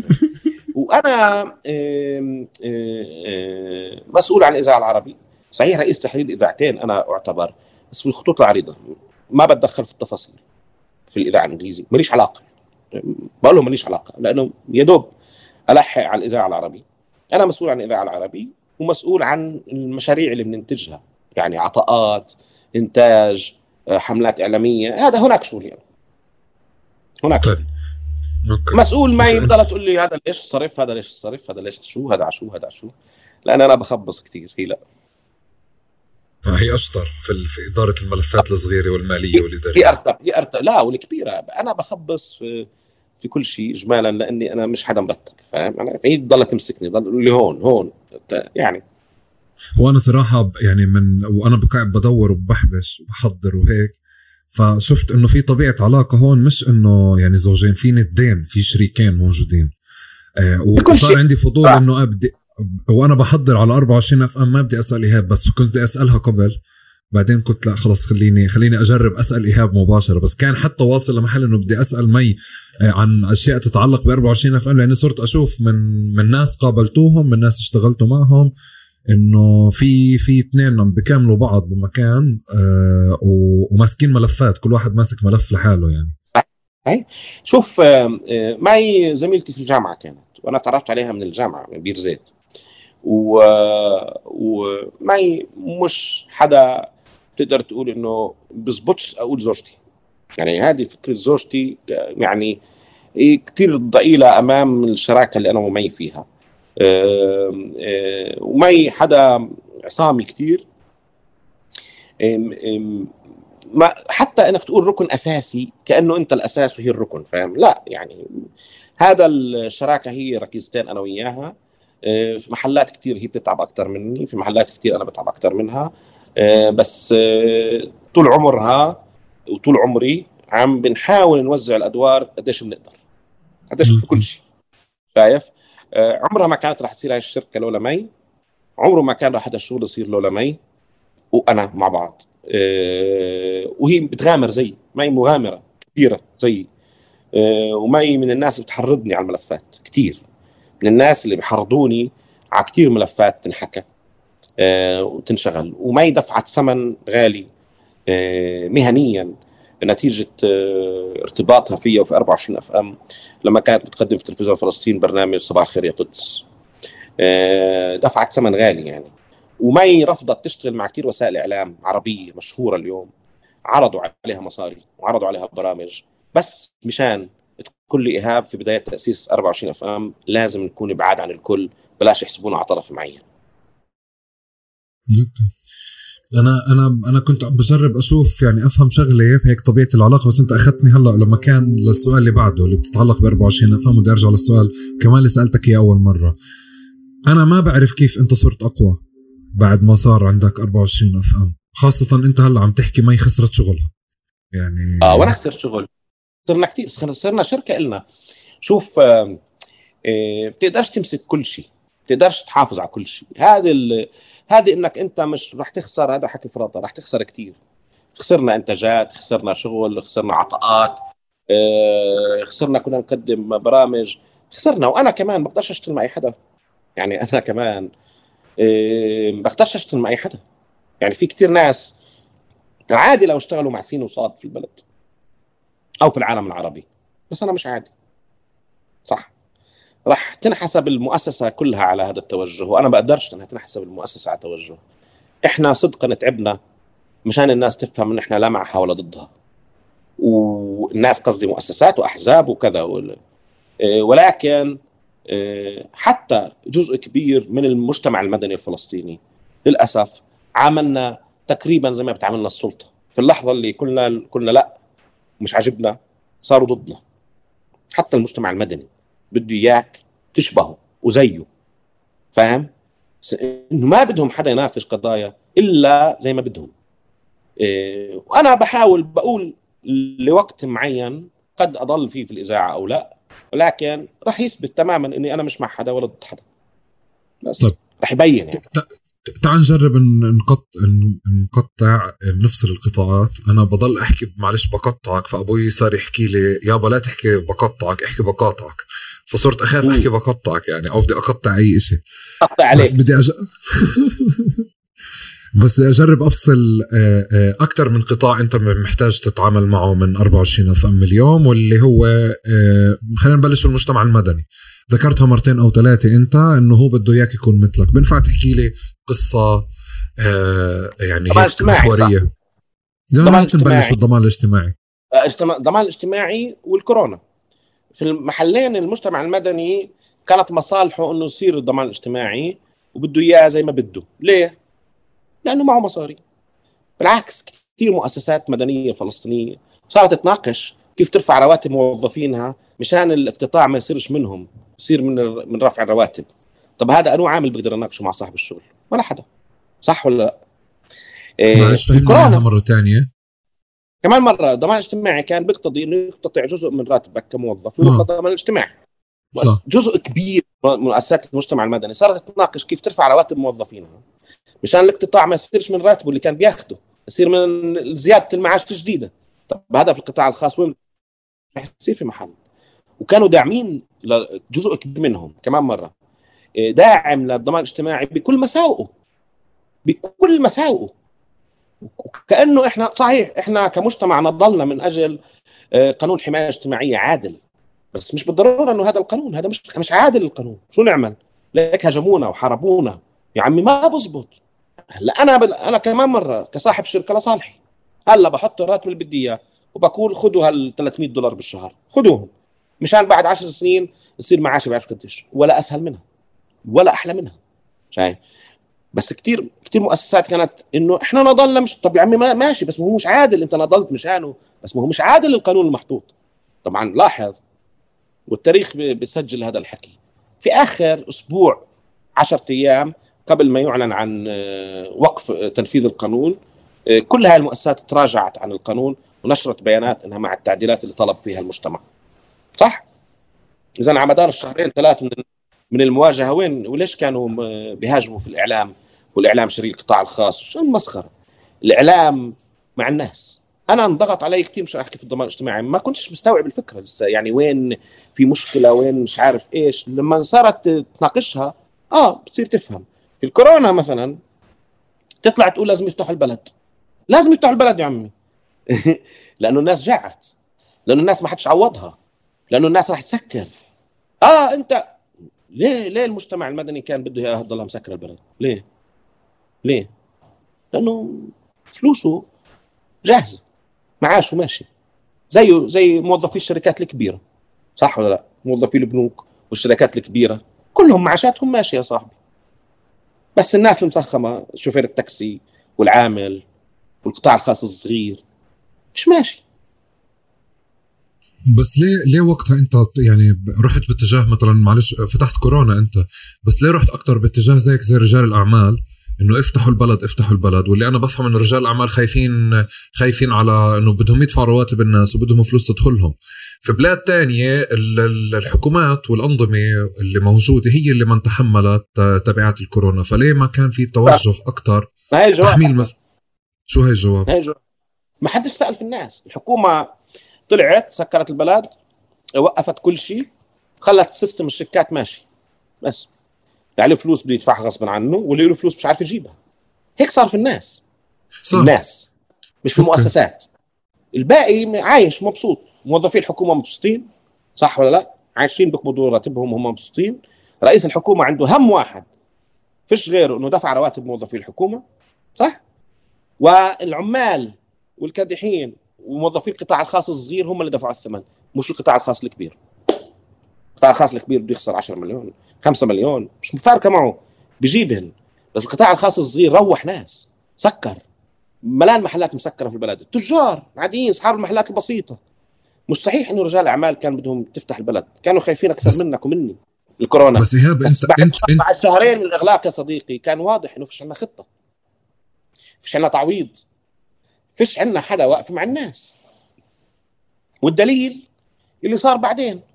لما طلع قصة صندوق وقفة عز وكيف توزعت الفلوس.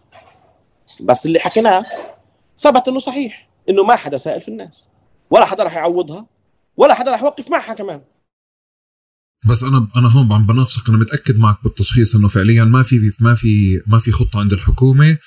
ما في شكل إدارة. أنا عم بجرب أقول إنه ليه نقد بالاكثر ما كان باتجاه الحكومة؟ لازم تعمل شيء لازم تتحمل مسؤولياتها لا هذا كان نقد بأنه تعمل ولا ليش الحكومة معنا. هذا كان نقدي أنا. إنه الحكومة لازم تعمل واحد اثنين ثلاثة. مش عم تعمل. عم تكذب. عم بت... بتسوف. عم بت... بتأجل. هذا كان. والناس كانت مبسوطة. تعرف شافوا لأول مرة رئيس حكومة بيعرف يحكي. فانعجقوا فيه. طلع رئيس الحكومة واحد اثنين ثلاث أربعة إحنا كلنا هاي إيش هولندا يعني. أوكي منيح. طب بعد أسبوع أسبوعين ثلاث أربعة خمسة فيش شيء ها طب شو بتعملوا؟ الانجاز يعني قصدي أنت وصلت لم... وصلت لمحل اللي هو لما الح... أنت صرت متأكد إنه الحكومة مش رح تعمل إشي عاجزه إنها تعمل إشي فأنت قلت افتحوا البلد. طبعا افتحوا البلد. إذا أنت مش عارف تعمل إشي شو بدك فيه إذا أنت مش عامل إشي ومش قادر تعمل إشي طبعا افتح البلد خلي الناس تعيش. بس أنت هي أنت أحمد عمره وصلك من ناس مش لاقي تاكل؟ وقت الكورونا إحنا وصلنا. عائلات ما عندهاش أكل. مش قادرة تشحن كهرباء. ما عندهاش تعيش هذا وصلوا الناس في الكورونا أنا مانعك تشتغل ثلاث أشهر. بمنعك أنت تطلع تشتغل ومش مطعميك. كيف؟ بس كيف؟ طيب رجعني للضمان الاجتماعي. شو شو اللي صار معك لصرت أنت يعني رمز من رموز الضمان الاجتماعي؟ هيك تحليلا أنا دفع أنا دفعت أنا دفعت مع الناس أنا دفعت عن الناس. وكنت أناقش كثير جزء كبير من الإعلاميين تراجعوا خافوا انضغط عليهم. تراجعوا انسحبوا يعني من انه يناقشوا القضايا وهيك. شايف؟ إذا بدك يعني. هاي ضغط الحكومة وهي ضغط جزء من القطاعات المختلفة كانت على بعض وسائل الإعلام. نختصروا يعني. إحنا ما اختصرناش خلص يعني. صرنا في نص المعركة يعني. ما بتقدرش تختصر. خلص صرنا فاتحين النقاشات حاكين فيها. ما بزبط تعمل حالك مش شايف الناس اللي بدهم يمنعوهم يطلعوا يتظاهروا واللي سجنوهم واللي صح ما بزبط. بس انت بدك تناقش للآخر. في ملف مفتوح في البلد في عشرات الآلاف بيعتصموا في الشوارع انت بزبطش تكون مش شايف. ما انت جزء من اللي بصير بدك تحمي الناس. بدك تشكل حماية للناس. هذا دورك كمان كإعلام كرقابة. دورك تحمي الناس. فأنت بتقصد انه إنه الإشي كان نتيجة إنه أنت عملت عملت شغلك آه وشيء تاني ما كان في صحافة وإعلام كافي إنها تغطي الموضوع استجابت للضغوطات أو رضخت للضغوطات من جزء كبير منها ما تحكوا جزء كبير منها. طبعا فشافوك لحالك أو شافوك أكثر حدا. بس مش في كتار كانوا يناقشوا زينا. okay. طب آه آه بمساحة معلش العلاقة مع الحكومة والمجتمع المدني شو بتفكر كمان في نقاط مفصلية؟ مش بالضرورة تتعلق ب 24 FM بس بالسنين الأخيرة بتحس إنه هذه يعني زي نقاط مفصلية غير الضمان الاجتماعي وكورونا؟ اضراب المعلمين اللي سبق كل هذا الحكي. الأول اضراب المعلمين كان برأيي آه، مفصل مهم آه، ليفرز مين مع الناس ومين مش ومين مش مع الناس. المشكلة اليوم كثير مؤسسات في البلد كثير مؤسسات وقطاعات بتهتم بالموضوع إذا كان بخصها بشكل مباشر. يعني مثلا بتقول لهم اعتقلوا صحفيين بقول لك ما خصناش. مش عارف إيش صار مع المعلمين ما خصناش. مش عارف إيش صار في كذا ما خصناش. طيب لا يجي الموضوع لعندهم. لما يصير يخصهم بتلاقيهم صار خصهم فاهم؟ بينما أنت ما يعني في كثير في قليل مؤسسات وقطاعات تحسها بتوقف مع قضايا البلد كلها. على سبيل المثال نقابة المحامين إذا بدك مثال. في كل قضية في البلد بتلاقي لها صوت بتلاقي لها دور. فاهم؟ بس في قطاعات واسعة قطاعات واسعة في البلد. إذا الموضوع ما بيخصها بشكل مباشر ما بتسمع لها صوت. ولا صوت. okay. طيب إيهاب بالقطاع الخاص في قصة آه، اللي بعرفها وقت قصة آه، خط النفاذ. إنه أنت فعليا آه، من خلال 24 FM. يعني أنا بظن هذه من الأشياء اللي تحسب لي 24 FM بأنه فتح الهواء وناقش القضية في الوقت اللي فعلا الناس يعني هنا بتوافقني بمكان تاني بالقصة هاي إنه أنت بتعرف إنه كان ما كانت وسائل الإعلام مفتوحة لهذه الحملة والحملة هي كانت بتعاني عشان بس تتغطى خبريا. في حملة مسمعة بالبلد بس مش لاقي حدا يغطيها بس كان في منصة 24 اف ام كان منصة لهدول الناس. إنه إنه يحكوا ويشتغلوا. بمكان تاني عم بشوف أو أو ما يقال وهون عندي عندي فضول أعرف كمان العلاقة مع روابي أو العلاقة مع مع شق تاني خليني أحكي بالقطاع الخاص. آه، علاقة معلن علاقة صداقة علاقة كذا. بس كمان هون في شيء اللي هو يعني في جهة إشكالية مش مجرد رأس مال في كمان شيء سياسي بتعلق فيها. كيف عارف تدير المساحتين هدول؟ وشو الفرق بينهم؟ والله علاقة شغل زي أي مؤسسة ثانية يعني إذا بدك الصراحة هاي هي العلاقة آه، مع بيتي مش مع روابي أكثر وهذه الشركة في البلد طلبت مني آه، استشارات إعلامية قدمتها زي ما بقدم لها أي شركة أخرى. هاي هي العلاقة المهنية البحتة.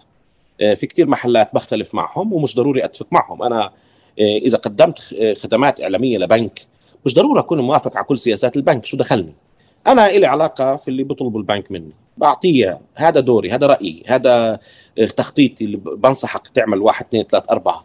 بس أنا بكرة البنك روح موظفين أنا مسؤول عنهم. أنا لازم أتبنى شو عمل البنك. البنك أبصر شو عمل تاجر مع مين لمين باع أنا شو دخلني؟ أنا عندي مهمة محددة. في هذا الإطار قدمتها كاستشارات إعلامية. وخلصتها خلص الموضوع. كعلاقة كعلاقة مهنية. هذا أكثر شيء أنا برأيي الناس كمان مش قادرة تفصل فيه. الناس برضو أنا بقدرش اعامل شركة أنا كصحفي اخذ موقف من شركة كبيرة هالقد في البلد. مش دوري مش مهمتي. أنا في خدمات معينة في إطار معين مهني قدمته لهي الشركة. هلأ الناس عاجبها أو مش عاجبها موضوع تاني. هذا بتناقشوا معي بحكي معها. بس أنا بقول لك كثير مرات بنحمل الأشياء أكبر من حجمها وبصير بدنا نلاقي علاقات مختلفة فيها. لا هي بسيطة بهذا القدر يعني من البساطة. يعني شوي بفكر إيهاب مثلا إذا كان ماخذ إعلان من بنك والبنك روح الموظفين اللي فيه مش رح يقدر يكمل يسوق له في برنامجه. الصبح لأنه هيك ولا هيك يعني. برنامج. أنا بسوقش لا لا برنامجي. أنا أنا بس بقدر صدقني اذا بجوز مشان أطلع بطل أقول لك آه إذا في بنك روح موظفين وأنا راح أوقف إعلانه الصبح عندي. بقدرش اعملها بس بقدر أناقش الموضوع عندي حتى لو هو معلن عندي. okay. يعني okay. اذا بدك أعملها هيك طب اني شركة في البلد ما عندهاش أخطاء يعني استراتيجية تجاه المجتمع والناس؟ ولا حدا إذا أنا كل شركة عندنا عليها ملاحظات بدي أروح اشتغلش معها أنا بقول لك بشتغلش مع حالي. يعني بسكر الاذاعه أنا أنا أنا ما بدي أناقش بيتي ولا بدي أناقش بالشر المصري ولا علاقتك فيه يعني هذا هذا بحث آخر. بس بس عندي فضول صار أعرف إذا ذكرت أنت مثال البنك وذكرت مثال بيتي. بس شو الخط؟ يعني لأنه هون عم نحكي على أشياء إشكالية شيء بتعلق بالموظفين شيء بتعلق بالعلاقة مع السلطة شيء بتعلق بالعلاقة مع الإسرائيليين شيء ممكن تكون شبهات تطبيع أو تطبيع. بس شو الخط اللي إيهاب فعليا هيك بفصل فيه؟ آه اليوم ما بين آه شو بقبل وشو بقبلش شوف أنا أي حلا أي شيء بجبرني أو بطلب مني أقوم بمهمة أنا مش مقتنع فيها شو ما كانت على فكرة. بتعرف شو ما كانت يعني مرات ممكن أحس إني مجبور أعمل شيء نشاط معين أو شغل معين أنا مجبر عليه هالقد تافه وبسيط أنا مستعد أوقف كل العلاقة فيها. ما بدي فاهم؟ أي شيء أنا بحس إنه بخدني على محل أنا مش مقتنع فيه لا يمكن أروح له. شو ما كان بسيط على فكرة. يعني خط الأحمر أحس إنه حدا بيجبرني على محل معين مش معطيني هامشي وحريتي فيه. بحاول ياخذني على موقف معين. أنا مش فيه. أنا هون بوقف مباشرة.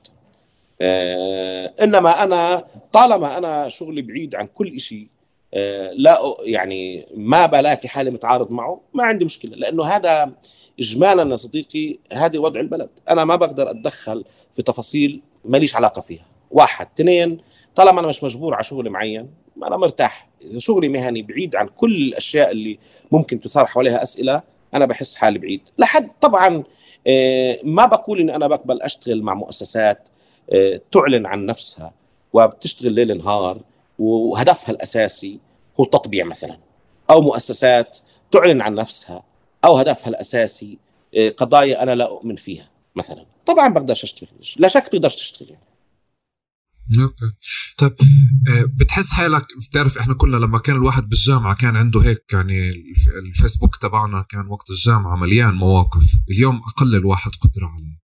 يعني هذا على مستوى شخصي نتيجة علاقات شخصية ونتيجة ارتباطاته بالشغل وكذا. إيهاب اليوم 24 اف ام مرة تانية هوامشه أوسع أو أقل من كيف كان يعني لما كان مجلس قروي؟ يعني ولما بعدين صار صحفي عم بتنقل من مكان لمكان. آه آه هوامش 24 FM واسعة حتى أوسع مني. بمعنى لعلمك أنا مش لحالي بحدد شو بده يصير فيها شو بدي نشتغل فيها. ومرات بكونش مرتاح لإيش انتشر بس طالما هيئة التحرير اللي اجتمعت كلنا قررنا ينتشر هيك بنتشر هيك. عشان تعرف يعني.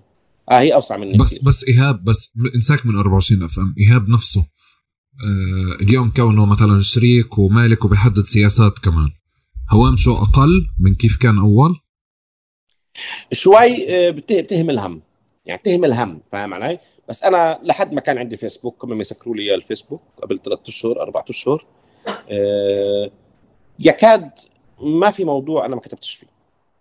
ورأيي الشخصي. بالعكس حتى أنا غالبا من الناس مبادرين إنهم يحكوا رأيهم في القضايا اللي بتنطرح في البلد. لأنه كمان هاي استراتيجية بتخلي إنك تجيب دعم أكثر لموقفك. إذا بتكتب قبل الناس الناس بتلحقك مش العكس. وكنت من الناس اللي دائما ببادروا يكتبوا حول قضايا معينة. تكاد لا تكون قضية واحدة في البلد أنا ما كتبتش فيها. okay. طيب آه آه بدي أجرب أختم آخر شيء لأنه هذا يعني آه سؤال بتعلق بكل تفاصيل الإعلام والتحديات تبعتها. شكل الترخيص آه، وطريقة عمل 24 FM وتعدد مشاريعها وتعدد مصادر تمويلها بحب كثير أعرف عنه خبرنا عنه. لأنه بظن هذا هيك من الأشياء الصغيرة اللي عرفتها والأشياء الصغيرة اللي حكيت لي عنها. صرت أشوف آه أوكي قديش الإشي صعب إنك أنت تعمل وسيلة إعلامية اليوم.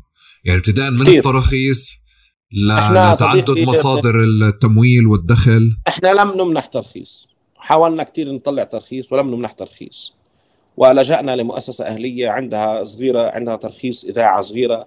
قلنا لهم تعالوا عمي بدنا الترخيص إحنا نشتغل فيه. وهيك صارت 24 اف منيح؟ وبعدين آه، قعدنا سنوات بنحاول نرخص جيروسلم 24 الإذاعة الإنجليزية. سنوات سنتين أو ثلاث. فنجحنا نرخص جيروسلم 24 إحنا بنشتغل بالإعلانات بالإنتاج. عندنا طاقم آه، أنا جزء منه وكمان صبية جزء منه. شغلتنا نكتب العطاءات ونكتب المشاريع. فإحنا مش مثل الإذاعات الثانية بس نستنى الإعلانات من القطاع الخاص. لا. إحنا طارحين حالنا شركة تستطيع أن تقدم خدمات إعلامية وإعلانية مختلفة. وبنكتب عشرات المشاريع بل عشرات العطاءات مشان ننجح نأخذ واحد أو اثنين صغار أو كبار أو كذا بس إحنا كمان بنطرح مشاريع استراتيجية. بنناقشها اليوم مشان نشتغلها بعد ثلاث سنين وبعد أربع سنين. عيننا بتكون على الموضوع بعد أربع سنين. آه، الإذاعة الإنجليزية جزء منها ممول. أربع سنين حنشتغل على الموضوع وجزء منها إحنا استثمرنا فيه. والآن بنقول بدناش حدا يمولها بدنا حدا يرعى فيها برامج مشان تضلها مستمرة. إيه واليوم عندنا خططنا اللي لنا ثلاث سنين نشتغل عليها واللي قريبا سنعلن عن بعضها يعني وتشوفها. بس إذا أنت بدك تنجح بدك كثير تنوع مصادر دخلك إعلانات على رعايات على عطاءات بتقدمها على مشاريع بتحاول تقدم لها. على أفكار دائما بتطرحها يعني.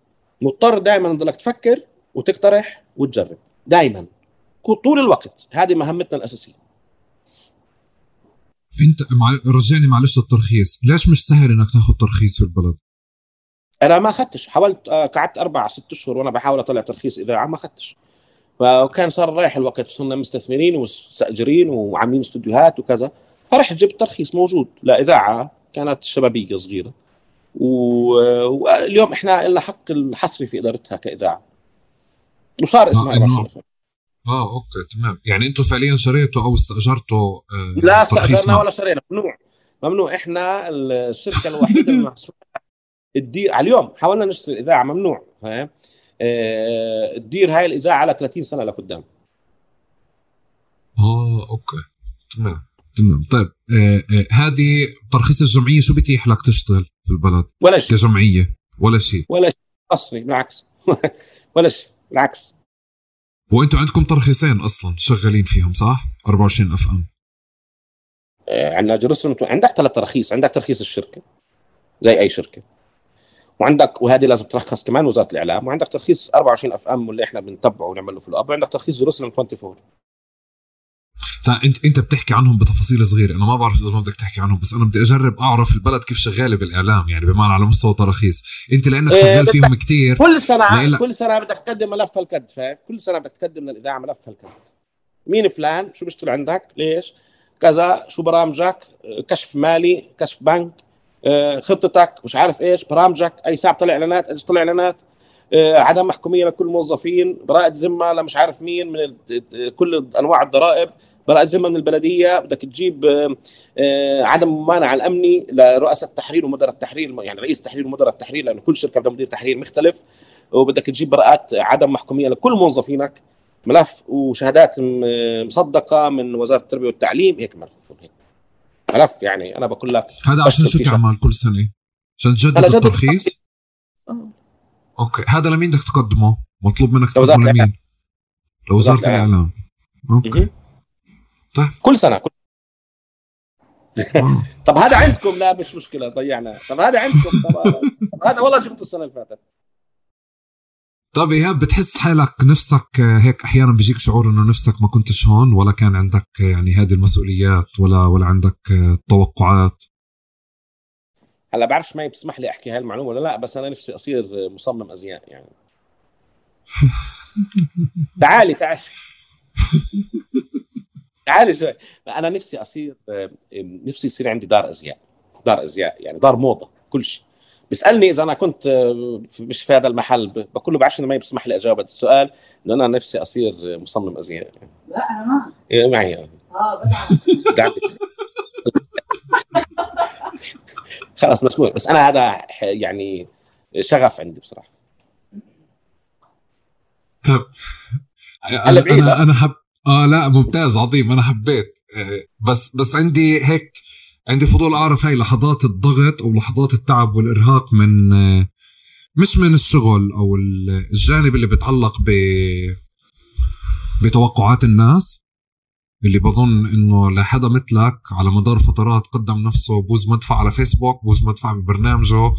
أه وأنا لإلي بحكي لك إنه كان مهم لإلي لما كنت بتظاهر بالشارع برام الله إني أشوف إيهاب شو كتب يعني أو إنه إيهاب شو راح يكتب أو شو راح يحكي. فأنا بعرف هذا الإشي.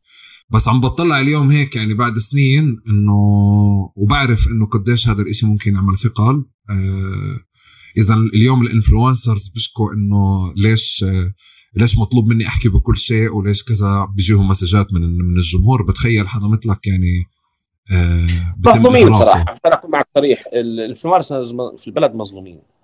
يعني إحنا حاسدينهم إنه عندهم أكثر من متابع. طب هو مهتم بالشوكولاتة شو بدك فيه؟ يعني فاهم علي؟ يعني واحد شغفه الشوكولاتة. أنت شو بدك فيه يحكي سياسة؟ ليه ليه لازم يحكي سياسة؟ ومظلومين زينا. يعني شوف زي ما الإعلام هون مظلوم هم إذا بتقارنهم في ناس مشاهير على ال social media في العالم العربي ولا في العالم مظلومين اللي عندنا يعني. يعني يكاد يكونوا مسخمين جنب اللي الدول المحيطة فينا يعني. صح ولا لا؟ يعني سوق الإعلانات بسيط عدد البلد تعدادها صغير. فهم يعني كمان ليش مطلوب منه يحكي سياسة؟ هي بتحب الأزياء أخي. بدك فيها تحكي سياسة. فاهم مواطنة عادية بتحب الأزياء. بتحب آه، بتحب مش عارف إيش الطبيخ. ليش بدك إياها تحكي سياسة؟ ليش بدك تعمل موقف تعطيك موقف من الوقائي ومن المخابرات ومن أبو مازن ومن إسرائيل؟ شو بدك فيها؟ ليه؟ اعتبرها اعتبرها يعني مثلا زميلتك في بصروين ملهاش علاقة بالسياسة. هلأ كل الناس تحكي سياسة في البلد؟ ليه لازم يحكوا سياسة هدول؟ يعني ليه؟ سؤال ليه؟ مش دورهم. ما هي مش تعرفش تحكي. بتخاف. اسمع الأثمان اللي بتدفعها في مسيرتك عالية جدا. عالية جدا جدا جدا. وأنا اليوم بدفع جزء منها يا أحمد. أنا إيه لليوم بطلع ليش تصريح؟ أفوت على القدس. إيه ابني اليوم الكبير بتعالج من سرطان في ال في ال في الداخل لأنه هو هوية قدس. وأنا بطلع ليش تصريح؟ أروح معه. تصريح روح معه معيش. فأنت بتدفع أثمان غالية طول عمرك. طول عمرك. أنت وعيلتك دير بالك. لأن الهجوم مش عليك لحالك بصير. كمان عيلتك عيلتك بت... عيلتك زوجتك واولادك وأصدقائك بتعرضوا لضغوط مرعبة لما بيهاجموك. بخافوا بيرتبكوا بصيروا يدعموك. إحنا بندفع أثمان ما حدا بيعرفها. نخسر مصاري. ما بنقدرش نشتغل مع ناس كتير. بنخسر نشتغل مع كتير قطاعات. إيه وآه إحنا اللي بنحس إنه بعدينا ما بروح كله تعال اشتغل معنا. عكس كتير محلات دير بالك. لأنه حدا بيعديها بيروح بيبتزهم عشان يشتغل معه. إحنا ما إذا بدكش تشتغل معنا بالعكس بدناش تشتغل بدناش نشتغل معك. يعني فاهم؟ فإحنا بندفع الأشياء أكثر ما بيعرفوا الناس. حجم الثمن اللي بندفعه إحنا كثير يعني نادرا نحكي عنه عشان أكون صريح. طيب أنا بدي أجرب آه، يعني أسأل آخر سؤال وهيك خد وقتك فيه خد تنهيدي جامدة فيه وطلع لي من القلب. إذا بدي أسألك شو أخذ منك الإعلام؟ أو شو خسرت من حياتك على مستوى شخصي؟ وشو أخذ منك؟ اليوم هيك بتشوف حالك؟ أخذ مني أكون مرتاح بس. يعني ما أفكرش في الأشياء. آه، أخذ مني إني آه، أقدر أكون آه، بلعب مع بنتي الصغيرة.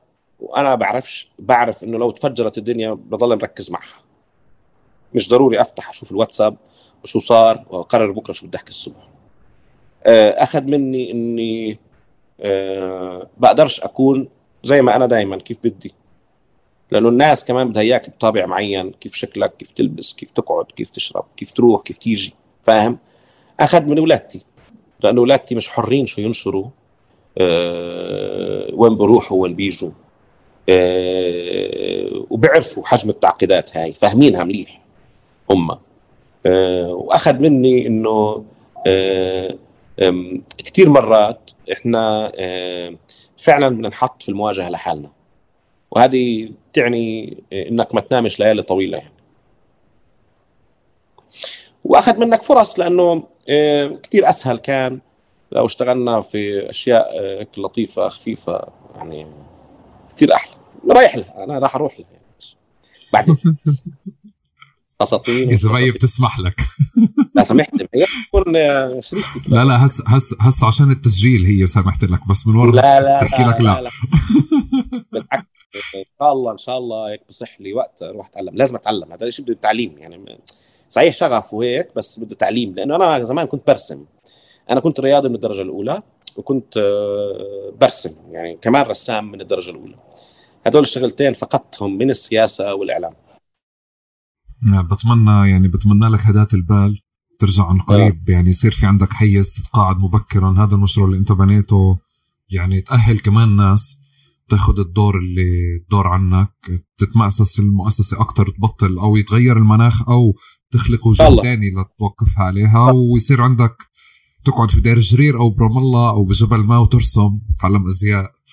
وهدأت بال هيك رواق. تطبخ تطبخ أنت إيهاب؟ أنا بشارك في الطبيخ كثير أنا بخبز إذا بدك بعمل خبز زاكي. okay. بعمل خبز من خميرة بيتية الصنع يعني. أه وبحب أشارك في الطبيخ لكني فاشل فيه. طيب. بتعرف تعمل أنا سلمني المفرمة بس سلمني المفرمة يعني. بتعرف تعمل مقلوبة؟ لا أعوذ بالله ولا بدي أجرب. لا لا. أنا شريك في الطبيخ في كل شيء لحد ما ينحط في الطنجرة. okay. مين بيعمل مقلوبة زاكي عندك بحياتك؟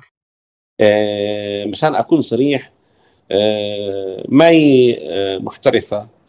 آه لما آه بيكون جاي على تعمل طبخة محترفة. حلو الاجابه محترفه آه محترفة يعني. إذا بتطبخ إشي إحنا على الأقل في البيت مش ممكن ناكله من برا. يعني ببطل عجبنا برا. okay. okay. بس هاي بدها مزاج. يعني بدها تكون مقررة اليوم إنه اليوم بدي أسوي لكم مقلوبة. هيك. بصراحة يعني دائما لما تطبخ 90% 99% مرات تطلع فوق العشرة درجة درجة. فوق العشرة. دائما هيك. بجوز هذا تطور مع العيلة. أنا بحس إنه الأكل هو كمان زي يعني زي المناخ العيلة فاهم علي؟ يعني هاي العيلة بصير هيك فاهم علي؟ هذه العيلة هيك بحبوا ياكلوا فبتطور الأكل مع كيف هاي العيلة بتحب تاكل. هيك بحس صح. بتختلف عن مقطع ثانية يعني كل الناس بيحبوا بطريقة معينة وشكل معين. أنا بحس إنه هذا إشي كمان في مزاج البيت بصير بيختلف عن أي شيء ثاني أوكي. شكرا جزيلا إيهاب. يعطيك ألف عافية. ممنون لك يعني على على هذا الحوار وعلى هذه الصراحة وهيك على الصور كمان اللي ساعدتنا نجمعها في مساحة الإعلام. ممنون لك كثير ويعطيك ألف عافية. شكرا. شكرا شكرا لك هلا حبيبي. هلا بيك. شكرا لكم جميعا. يعطيكم ألف عافية. آه كانت حلقة يعني لطيفة جدا. كان عندي دائما فضول أعرف عن إيهاب كثير آه وأظن عرفت. أنا لإلي وبتمنى كمان تكون لكم الحلقة آه ساعدت في تكوين صورة عن العمل الإذاعي عن مسار حدا مثل إيهاب عن البرامج هذه اللي الصبح بتوجع راسنا تكون منيحة أحيانا وأحيانا لا وعن كل السياق الإعلام في فلسطين. آه نسيت أحكي لكم في أول حلقة تتفاعلوا وتشاركوا هذه الحلقة واللي وصل لهون لنهايتها عليه مسؤولية كبيرة يحكي إيهاب عن مين حكى وعن شو ساوى وشو عمل شو حكينا في هذا اللقاء. يعطيكم ألف عافية وشكرا جزيلا.